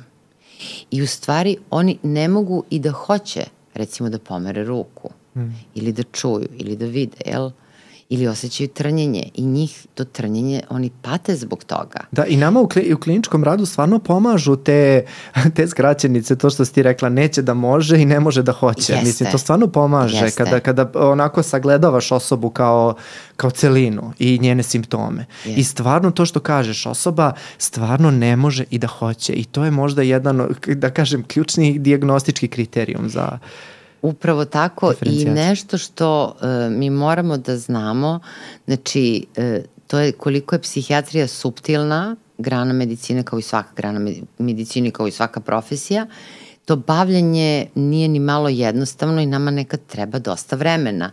Sećaš se onog starog eksperimenta, mislim da on sproveden negde tamo 50. godina, 60. zaboravila sam 20. veka, kada su radili onaj eksperiment e, i kada su uzeli grupu glumaca, Ja znaš? Ja znam, znam, e, da, da, da. A, ali molim te, ispričaj mi, da, ispričaj da, mi detalje, detalje. neće se da... Da, uzeli su grupu glumaca i onda su im pokazali kako izgledaju recimo simptomi psihoze, simptomi schizofrenije. I ovi su, ja mislim da su u Americi dešava ovaj, cela ta priča, i ovi su došli, prijavili, odnosno glumac je bio, jedan je bio u pitanju, tako je, jedan. I on je došao kod psihijatra, ispričao je koje te gobe ima, ovaj ga je odmah primio na delenje, i lečili ga lekovima, naravno ne dobio instrukcije kako da bacite lekovi i tako, mislim, nema potrebe ništa od tih lekova i ovaj, svi su na odelenju bili ubeđeni da on boluje teškog duševnog poremećaja, osim koga? Pacijenata. Pacijenti su primetili da, da je on drugačiji od njih, da, da se tu nešto čudno dešava. E onda kada su oni rekli u stvari psihijatrima da su uradili jedan eksperiment, uh, Posle nekog vremena su radili obrnut eksperiment. Poslali su u više bolnica ovaj, pismo da će im tokom nekog vremenskog perioda poslati takozvanog lažnog pacijenta. I onda odjednom, a nisu poslali, i onda odjednom su psihijatri počeli i među pacijentima koji su dolazili, koji su imali probleme, da određene proglašavaju lažnim pacijentima.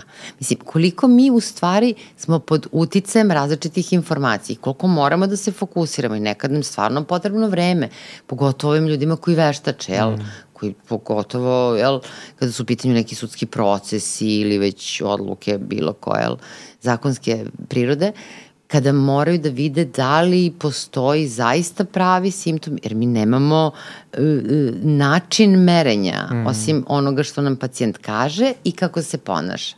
Ali moram pri, lično da priznam, recimo dok sam radila na odelenju, meni su tu mnogo pomagale dežurne ekipe e, pogotovo recimo dežurni lekari ili sestre koji rade popodne i koji prate pacijenta u toku celog dana. I onda znaš kad ujutru dođeš i kad ti kaže sestra, e, doktore, slušaj, sve je okej, okay, ali oni popodne, tako i tako.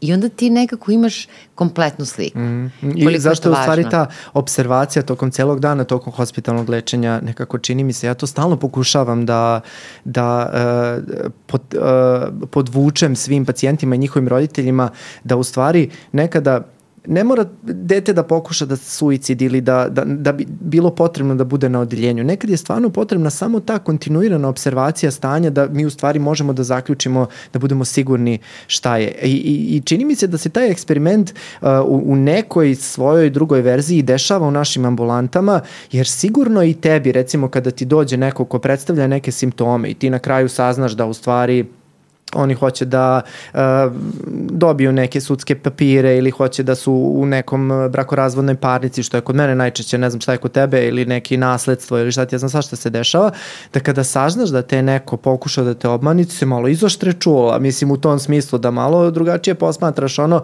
bar jedno neko vreme nakon tog slučaja gde se osjećaš malo pa moram priznati, obmanjeno. Pa jer, izmanipulisano. Izmanipulisano. Mi, ja verujem da su mnoge kolege koje se bave tako nekim uh, uh, ne potpuno diferenciranim stvarima, evo recimo koleginica koja radi uh, u Tiršovoj, ovaj, kaže mi da je gastroenterologija, na primer, vrlo podložna tako nekim ovaj, manipulacijama, zato što u gastroenterologiji, recimo kada nekoga boli stomak, što je vrlo čest simptom, može da bude vrlo, kako bih rekao, predmet manipulacije jer bol kao što ni jedan psihički simptom ne može se meri, ne može ni bol. Ne može. E, I upravo, znači, uh, uh, tako neke grane, neurologija, uh, da ne bude da su samo psihijatri ali izloženi takve vrstu izru, ovaj, izvrgavanja, nego stvarno dešava se i u drugim, i u drugim internističkim pedijatrijskim granama.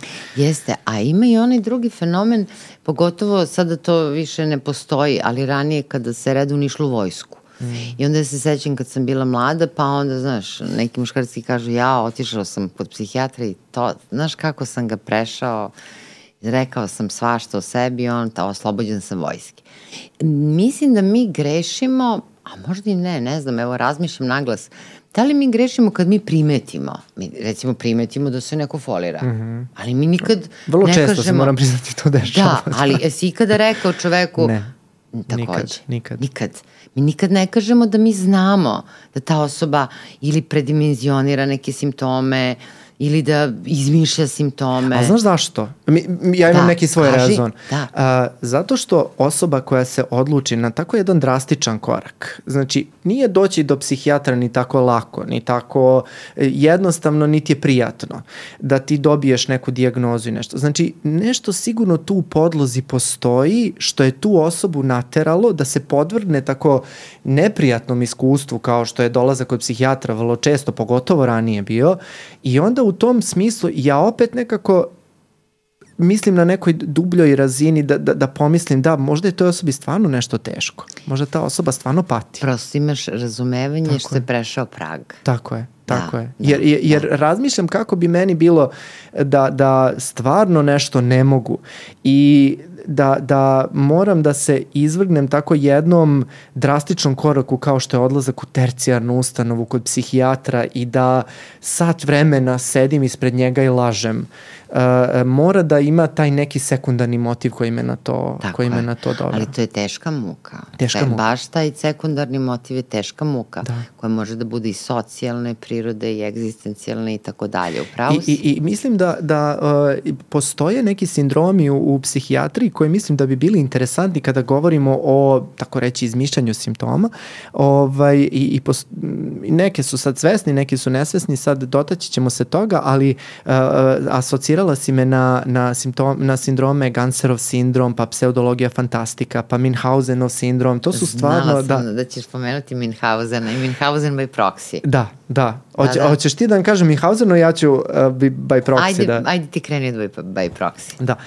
Dešava se u kliničkoj praksi, do duše, ne znam da li se dešava redko ili mi to uh, redko diagnostikujemo, nisam baš siguran, ali eto, s vremena na vreme se pojavi ovaj, neki slučaj u kliničkoj praksi koji uh, je u stvari imitiranje simptoma psihijatrijskih zarad sekundarne dobiti upravo ovo što smo, što smo rekli. Ja mislim da ti vojnici mogu da se svedu pod neku kategoriju Minhausenovog, Minhausenovog sindroma, s tim što ovaj sindrom koji mi viđamo u dečoj psihijatriji u stvari se zove by proxy, odnosno Minhausenov sindrom pomoću posrednika, jer su posrednici najčešće roditelji, moram da kažem dominantno majke, ne volim tu polnu razliku nikad da pominjem, ali prosto tako, tako je, tako je, pa je mm -hmm. tako, ovaj, gde majke u stvari uh, vrlo često zarad neke sekundarne dobiti, da li je to finansijska, ekonomska, socijalna ili najčešće uh, uh, potreba za pažnjom, u stvari razboljevaju svoju decu. I bilo je raznih slučajeva slučajeva uh, u literaturi. Kod nas u zemlji ja sam čuo za par imala je moja koleginica iz, upravo ta koleginica iz Tiršove koje sam pričao, či, ovaj, uh, slučaj devojčice kojoj je majka ubacivala kamenčiće u, u urin da bi kao ovaj, diagnostikovali neko oboljenje bubrega ne znajući da je kamenje uh, koje pokupi ispred Tiršove drugačije od kamenja koje se u bubregu stvara.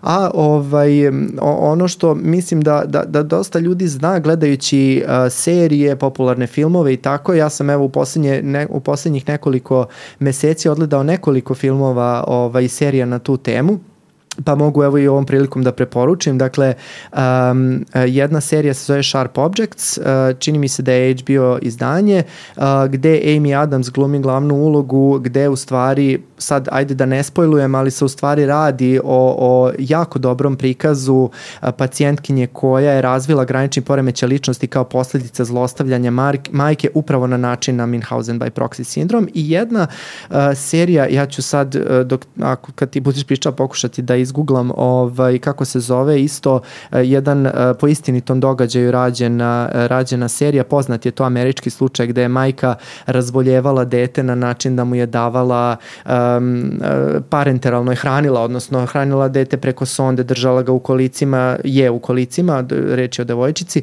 ovaj, prosto da bi um, eto to, privlačila pažnju na sebe i bila, ovaj, bila u nekom vrstu, nekoj vrstu centra pažnje. Da, a Minhausen onda vrlo logično se nadovezuje na ovo što ti pričaš, samo što osoba sama sebe tako, tako podvrgava, odrasla osoba sebe podvrgava različitim intervencijama.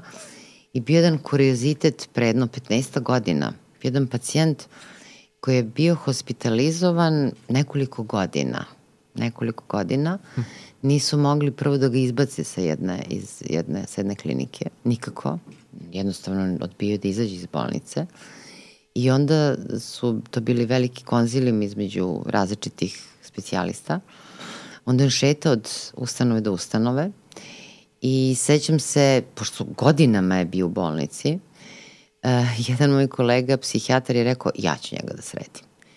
I to je došao na psihijatriju, međutim, naravno da ništa nije mogao da uradi. Na kraju ovaj, je, je otpušten nekako, a ono što je najparadoksalnije – to da tokom tog bolničkog lečenja dobio infarkt. Srećem da je bio u bolnici, pa su odmah intervenisali. To su zaista bizarna stanja. Ti si pomenuo taj sindrom, drugo, taj Ganzerov sindrom koji je do duše više vezan, ali tako, za zatvorske mm, sredine. Mm, mm. Taj sindrom približnih odgovora, jel? Vrlo interesantan. Da, jako interesantan, da. Međutim, tu postoje neki egzotični fenomeni koji spadaju u onaj drugi pol historije koje, histerije koje nazivamo disocijativni poremećaj, koje moram priznati da nikada nisam srela u kliničkoj praksi, ali u hollywoodskoj produkciji poprilično ja sam. Mm, mm. Pretpostavljam da znaš na što mislim, jel? recimo poremeće višestruke ličnosti, mm, jel? Mm. Toliko je filmova snimljeno o tome.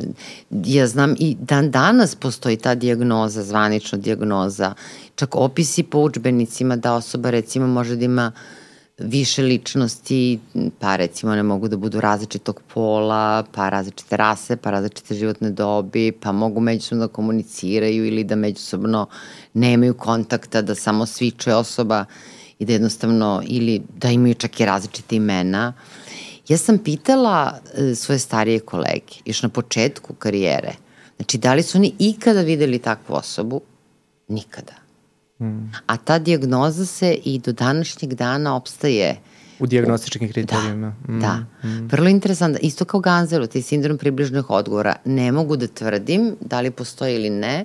To bi verovatno neko ko se bavi više zatvorskom, odnosno tome, jel, forenzičkom psihijatrijom može da nam da odgovor.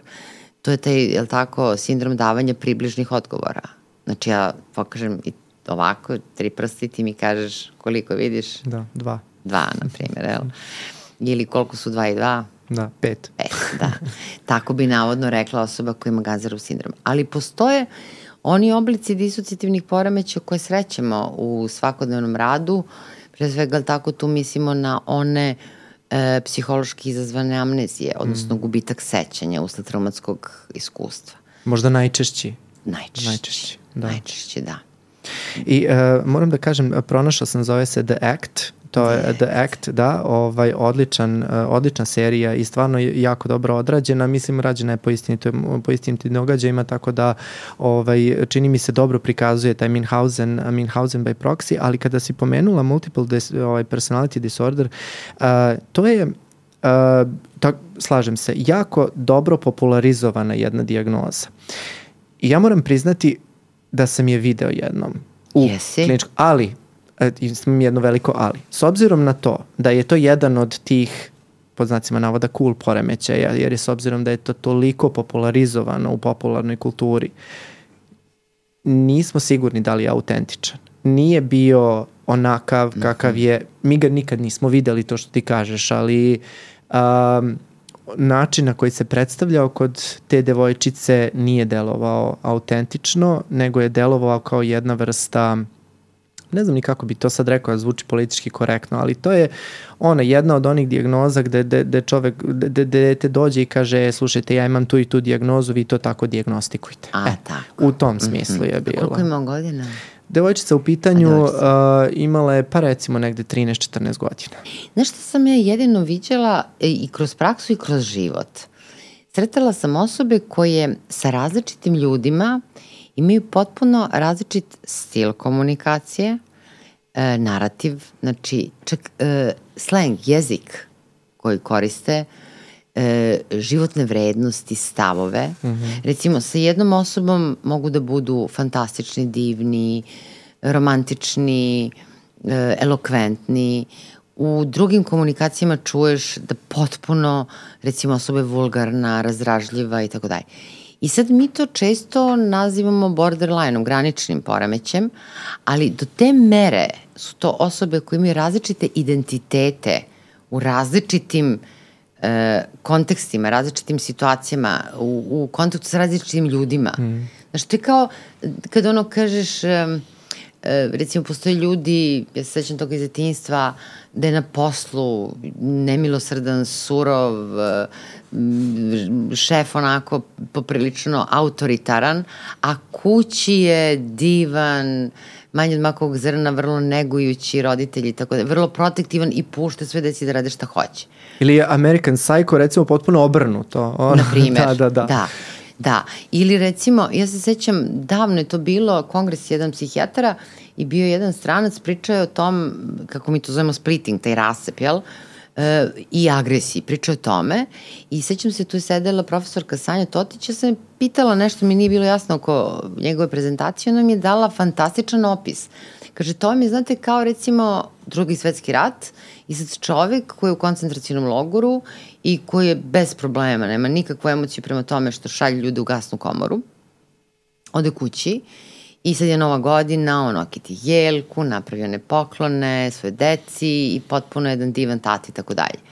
E sada, da li je to zapravo granični poremećaj, pitam se, jer nekako kod tih ljudi koji imaju granični, i o tome ćemo mnogo više pričati, mm. verujem, u podcastima, kod njih ipak te neke promene, jel, e, doživljaje sebe i sveta se ne dešavaju baš tako, e, da kažem, u zavisnosti od konteksta. Oni mm. mogu u toku jednog razgovora da budu kontradiktorni, jel?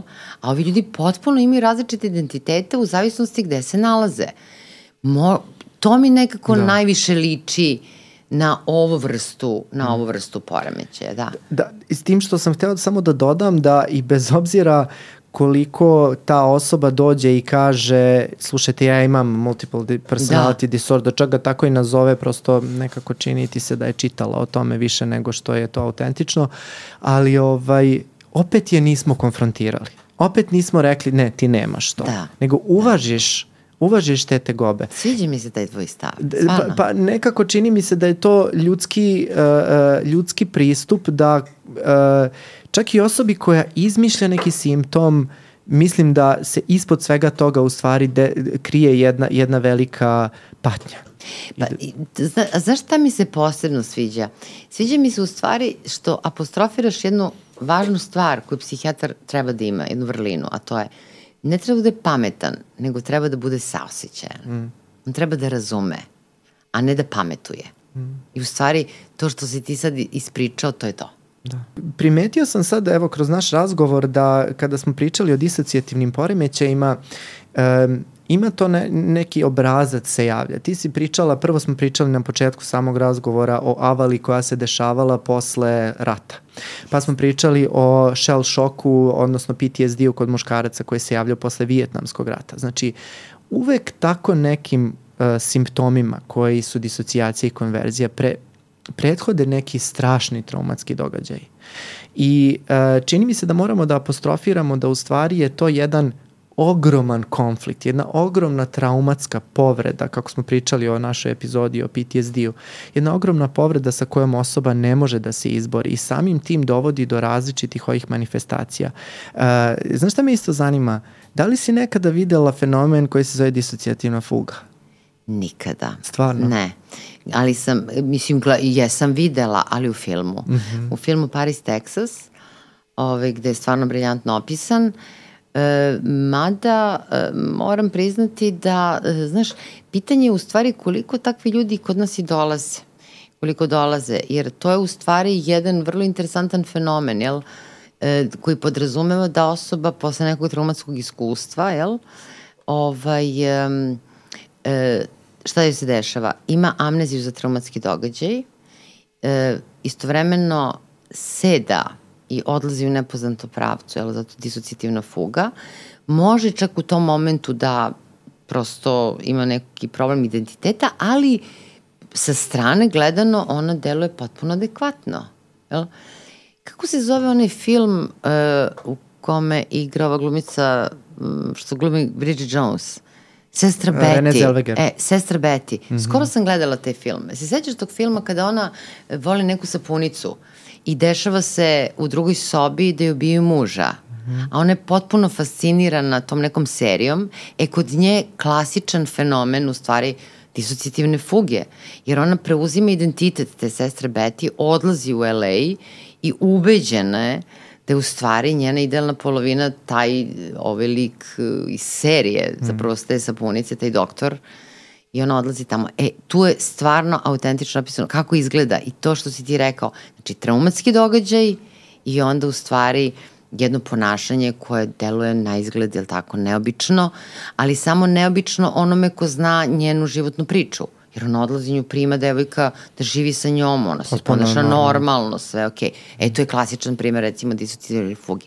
E, pošto to prolazne stanja, pitanje uopšte koliko takvi ljudi i dolaze do nas. Mm. Jer to nekada spontano, i to zapravo spontano prođe.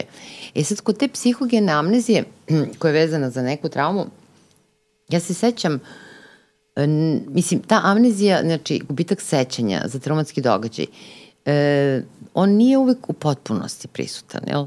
Znači, postoje neki delovi, nečeg se osoba seća, nečeg se ne seća, pa te rupe i tako dalje.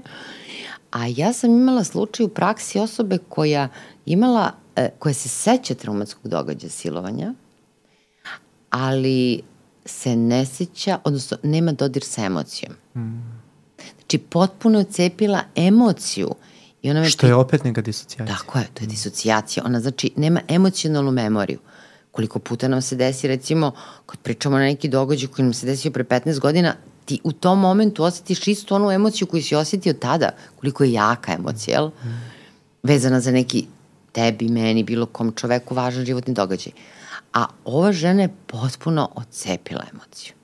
I to je u stvari jedan vid disocijativne amnezije, samo što je vezan za emotivnu sferu njenu, da. Da, to kad kažeš da se sećaju delova i radili smo sa dosta zlostavljane dece i vrlo često čujem da recimo iz, deca navode to, ne sećam se jednog dela svog života ili ne sećam se jednog dela događaja ili celog događaja, ali se sećaju nekih vrlo specifičnih karakteristika. To su kao, sećam se neke noge, sećam se nekog nosa, mm. sećam se nekih ušiju ili sećam se nekog govora, mirisa. U tom nekom smislu, i to je naša u stvari diferencijacija da li se radi, pošto je to de facto amnezija, dakle gubitak sećanja, ali to su neki nama u stvari načini kako da saznamo da li se radi o toj psihogenoj amneziji, odnosno da li se radi o disocijativnom fenomenu ili se radi stvari o nekoj, da kažem, neurološkoj amneziji, koja ima sad svoje karakteristike u koje sad ne moramo, m, ovaj, ne moramo da ulazimo. Ali ono što smo uh, razgovarali još pre nekog vremena, a ti ćeš se setiti uh, kada si rekla šta su nam sve disocijativni fenomeni, kažeš ovaj, mesečarenje, odnosno somnobulizam. I da. jedan onako fenomen vrlo, kako kažem, svakodnevan, stalno čujemo da neki ljudi pričaju usno, hodaju usno i tako dalje. I to je u stvari jedna vrsta disocijacije. Apsolutno, jer praktično čovek kad spava, Ovaj, ono što je interesantno to je da znaju ljudi, jel tako, postoje neke REM, non-REM faze spavanja, jel tako, i kad tačno postoje periodi kada sanjamo. I onda ono što je interesantno, meni je bilo inače fascinantno kad sam pročitala prvi put da mi uvek kad zatvorimo oči, da nama odu očne jabučice ovako sa strane Znači, su dužice i senice ovde negde. Ne želim da znam da, kako, kako to, to izgleda. izgleda. Da. Mislim, kad zatvorimo oči uopšte, jel? A kad spavamo, onda praktično, jel, e, e, u tom trenutku e, tonus naših mišića je potpuno opušten. Mi smo mlitavi, jel? I sad odjednom se dešava ocepljenje motorne kore koja je aktivna i osoba kreće hoda, a zapravo spava. Mm. I znači njoj je jedan deo nje budan.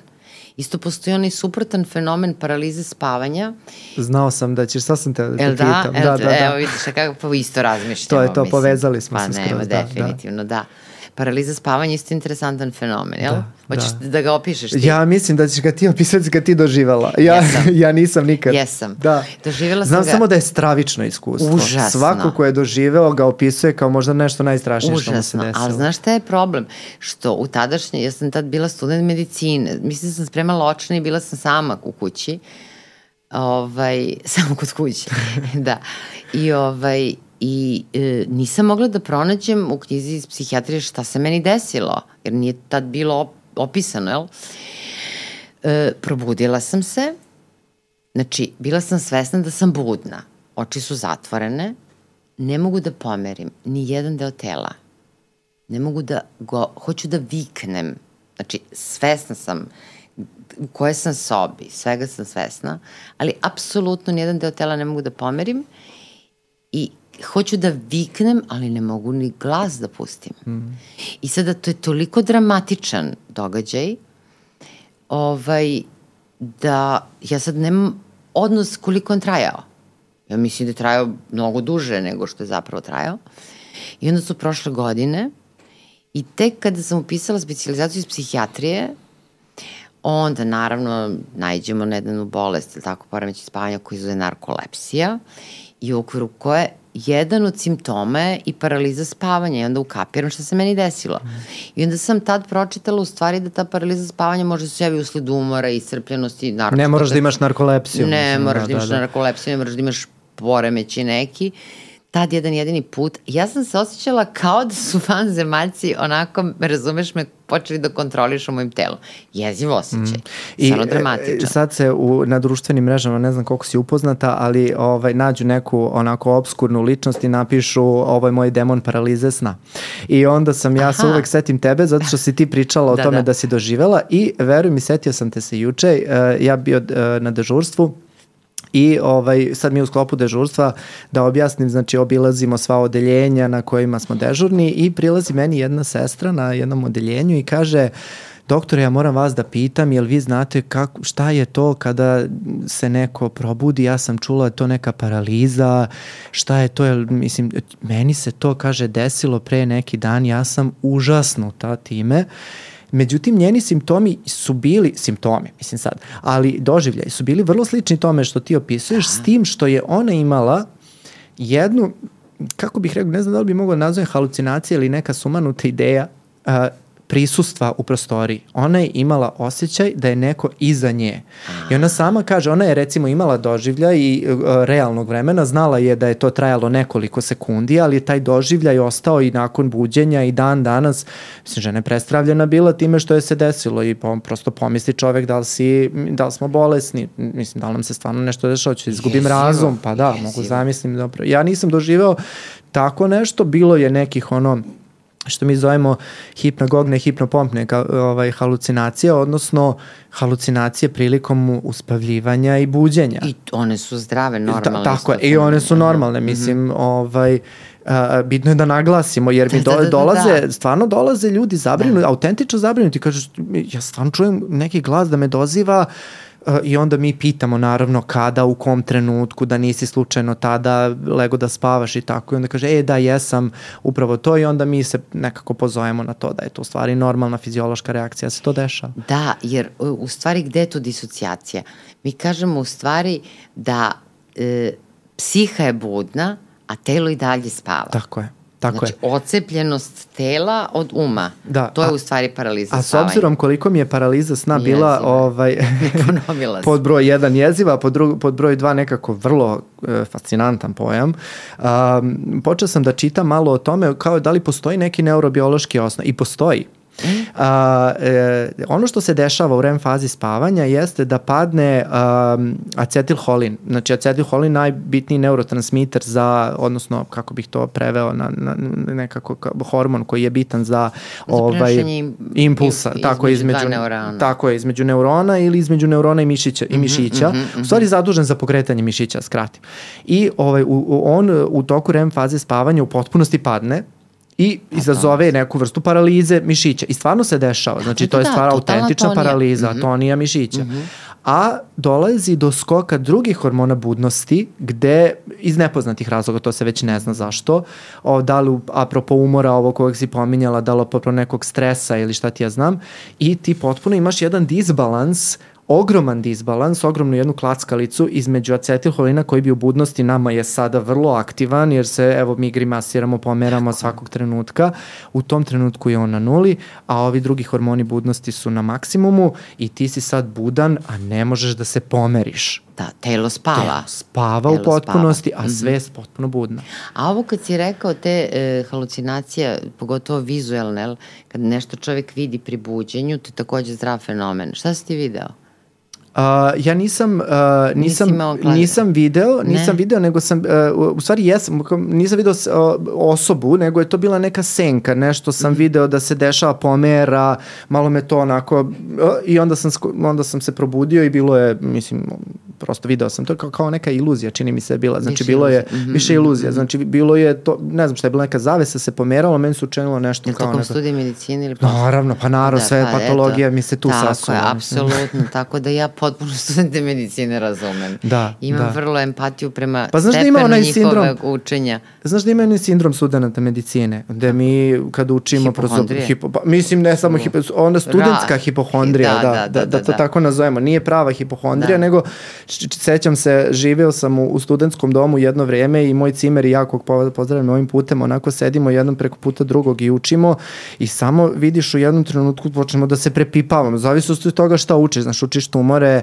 vrata i sad krećeš, ovaj, krećeš da se pipaš i sećam se da u jednom trenutku on imao, ovaj, imao košmar i znaš kako su tako so, domske sobe onako male i probudi me istog momenta kada je on dreknuo, probudio se i kaže molim te proveri mi reflekse. ja, A, da še, mislim, mislim, hvala Bogu u tom trenutku imamo čekić i ja onako izlupam ono koleno, uh, podlakat, nemaš ništa, sve super, lezi, spavaš, on kao, dobro je i tako, mislim, da, to je, da. ovaj, Ove, znaš šta, mislim da je to dosta vezano i za činjenicu, znaš, nekako upišeš medicinu i sad ti odjednom ulaziš u anatomski institut i gledaš tela, je tako, i a niko te ne pripremi da, da. na truležnost, na prolaznost, na bolesti. Znaš, naravno mi koristimo različite svesne i nesvesne mehanizme. Znaš, neće to meni da se desi, to je tamo negde, to je daleko, to se dešava nekim starim ljudima, ali ipak... Ili neki humor kao humor, vidi ovo. Da, da, humor da. kao super zdrav mehanizam, Tako jel? Je. Ali u suštini ipak sve to utiče na nas. Mm. I zato je meni važno i nekako da sa studentima kad ih učimo psihijatriju da nekako im pomognemo i sa te strane da se nose, znaš, nisu izabrali istoriju umetnosti pa sad gledaju, razumeš me, Rebranta mm. ili ne znam, Picassova dela, nego gledaju svaki dan vrlo tešku patologiju i teške tragedije. Mm. Kao studenti još, jel? I, zbog I to, toga to nije ostavlja i neke svoje vrstne posledice, da ti pa, kažem. Teško je. Moram, teško apropo, je. apropo tih studentskih ovaj, e, doživljaja i, i e, stvari koje su se dešavale, isto jedna domska priča, sad moram da ispričam. Um, bili smo isto tako je neko učenje bilo. E, nama je život, evo da pojasnim, znači nama je život bio kao i većini studenta ovaj, od kolokvima do kolokvima, od ispita do ispita. I ovaj, ovo je bio jedan period, čini mi se da smo učili farmakologiju. Mi smo toliko bili, mi smo bili štreberi, ono to neću da krijem, obojica smo bili vrlo zagrejani za, za, za medicinu.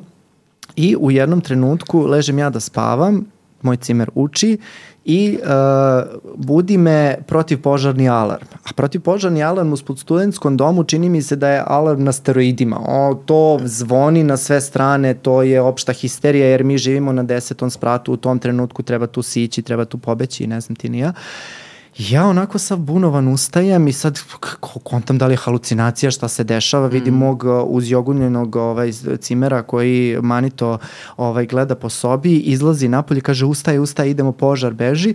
I sad mi niz po, protiv požarne, on u stvari silazi niz protiv požarne stepenice, ja još u tom trenutku pokušam da shvatim šta se dešava i on se u jednom trenutku vraća ulazi ovako u sobu i čini mi se, sad nije mi nikad rekao šta je mislio, ali ja stalno ga blamiram tom pričom, on ovako stoji na vratima i gleda šta će da uzme. I sad tu stoji laptop, telefon i ne, i uh, skripta iz farmakologije. Jel mi, et, šta misliš šta je izabrao? Tri put pogađaj. Skripta. Skriptu iz, iz farmakologije, farmakologije je, znači, došao, uzeo i otišao. Zavisi taj moment, da, eto, da. to su te posledice, ja mislim, da, da, koje da, da ostavlja da, da, fakultet, ono, da, da. nakon prve tri godine da, ovo, tih pa užasa koje gledaš. ovaj, tokom studija isto desila jedna hipnogogna, a pri buđenju uh, sam videla stazu u svojoj sobi i kad sam se probudila shvatila da staze nema, da. Mm. Ali to su sve fizio, mislim prosto da ljudi shvate da su to fiziološke, da. ili tako fiziološki događaj. I ti disocijativni fenomeni javljaju se recimo pogotovo sad aktualno, evo Milutin je dosta pričao, pričali ste o stimulansima, jel? Pa LSD kakvu disocijaciju pravi recimo, jel? i razni ti stimulansi. Ali to su najbizarnije, mm. mislim, to rastro, raslojavanje umova na mm -hmm. hiljadu delova. Mm -hmm. Imam neke ljude u okolini koji su probali LSD, koji su opisivali neke užasne, mislim, ja ne znam kako to ikome može da prija, ja ne mogu da zamislim taj moment raslojavanja uma gde ti ne znaš više da li vidiš boje ili vidiš zvukove ili čuješ mm -hmm. boju ili ne znam ti nija, te, te, ti fenomeni koji se javljaju su meni stravični, prosto yes. ja ne znam kako to nekome yes. može da bude good trip, ne, da kažem, da. zbog čega se to u stvari... Ne razumem. Da, nija, nija, ne, moram ne, priznati, ne. ali dobro ok. Kako poštujemo. Po, pa da, Poštujemo koliko svačiji poštujem izbir. sad, ali ajde, da. Da, poštujem svačiji izbor. Svako nek živi po svome, da. Da, ovaj, čini mi se da evo ovim smo nekako zaokružili, Ja zaokružili mislim, da. celu temu, preporučili smo dosta, nećemo na kraju imati ovaj naš segment jer smo se mi već izveštili da ovaj, preporučujemo dosta stvari tokom cele epizode. Jel bi imala ti neku poruku za kraj za naše slušalce? Pa, znaš šta, jedino eventualno nešto e, što bih voljela da apostrofiram tiče se lečenja. E. Jer rekli smo malo pre da lekova, lekovi, ovi klasični lekovi koje mi koristimo u psihijatri ne pomažu. Bilo je nekih slučajeva tako da kažem prikaza pacijenata da li nekome pomogao možda neki antidepresiv ili neki lek koji mi zovemo stabilizator raspoloženja, ali u stvari tu e, je ovaj, upravo zbog te sugestibilnosti, čak placebo efekat mislim više prisutan mm. i kod uzimanja tih lekova. Telesne terapije su se pokazale kao jako dobre i uopšte kontakt sa telom, od masaža... Te body-mind tehnike. Da, body-mind Mhm, tehnike, tehnike takođe relaksacija, autogeni trening, znači ono sve što mi radimo u Institutu za mentalno zdravlje vezano jel, za telo e, je daleko efikasnije e, u odnosu na, da kažem, neke klasične e, ovaj, farmako i psihoterapijske pristupe. Ranije, naravno, u doba Freuda se koristila psihoanaliza i nekako, ako ćemo o psihoterapiji da pričamo, ona definitivno i dalje je dominantna Dominant. u lečenju ovih stanja. Da, znači nekako da, da, da, da zaokružimo celu priču, najveći izazov nam predstavlja u stvari diagnostika, treba je. prepoznati, treba biti siguran šta je u, u, i onda izabrati nekako pravi uh, terapijski tretman ovaj, je. koje se sad I razumeti. I razumeti. I razumeti. Tako. Hvala vam ljudi, ovo je bila još jedna epizoda dva i po psihijatra. Uh, ukoliko ste došli do kraja epizode, mislim da je red stvarno da se subscribe-ujete, lajkujete ovaj uh, video i da nam ostavite komentare. Kao što vidite, danas smo obrađivali disocijativni poremećaje koje ste vi tražili, tako da ovaj, vrlo revnosno čitamo vaše komentare i odgovaramo na njih kad god možemo, tako da uh, budite uz nas, čekamo sledeću epizodu. Ćao!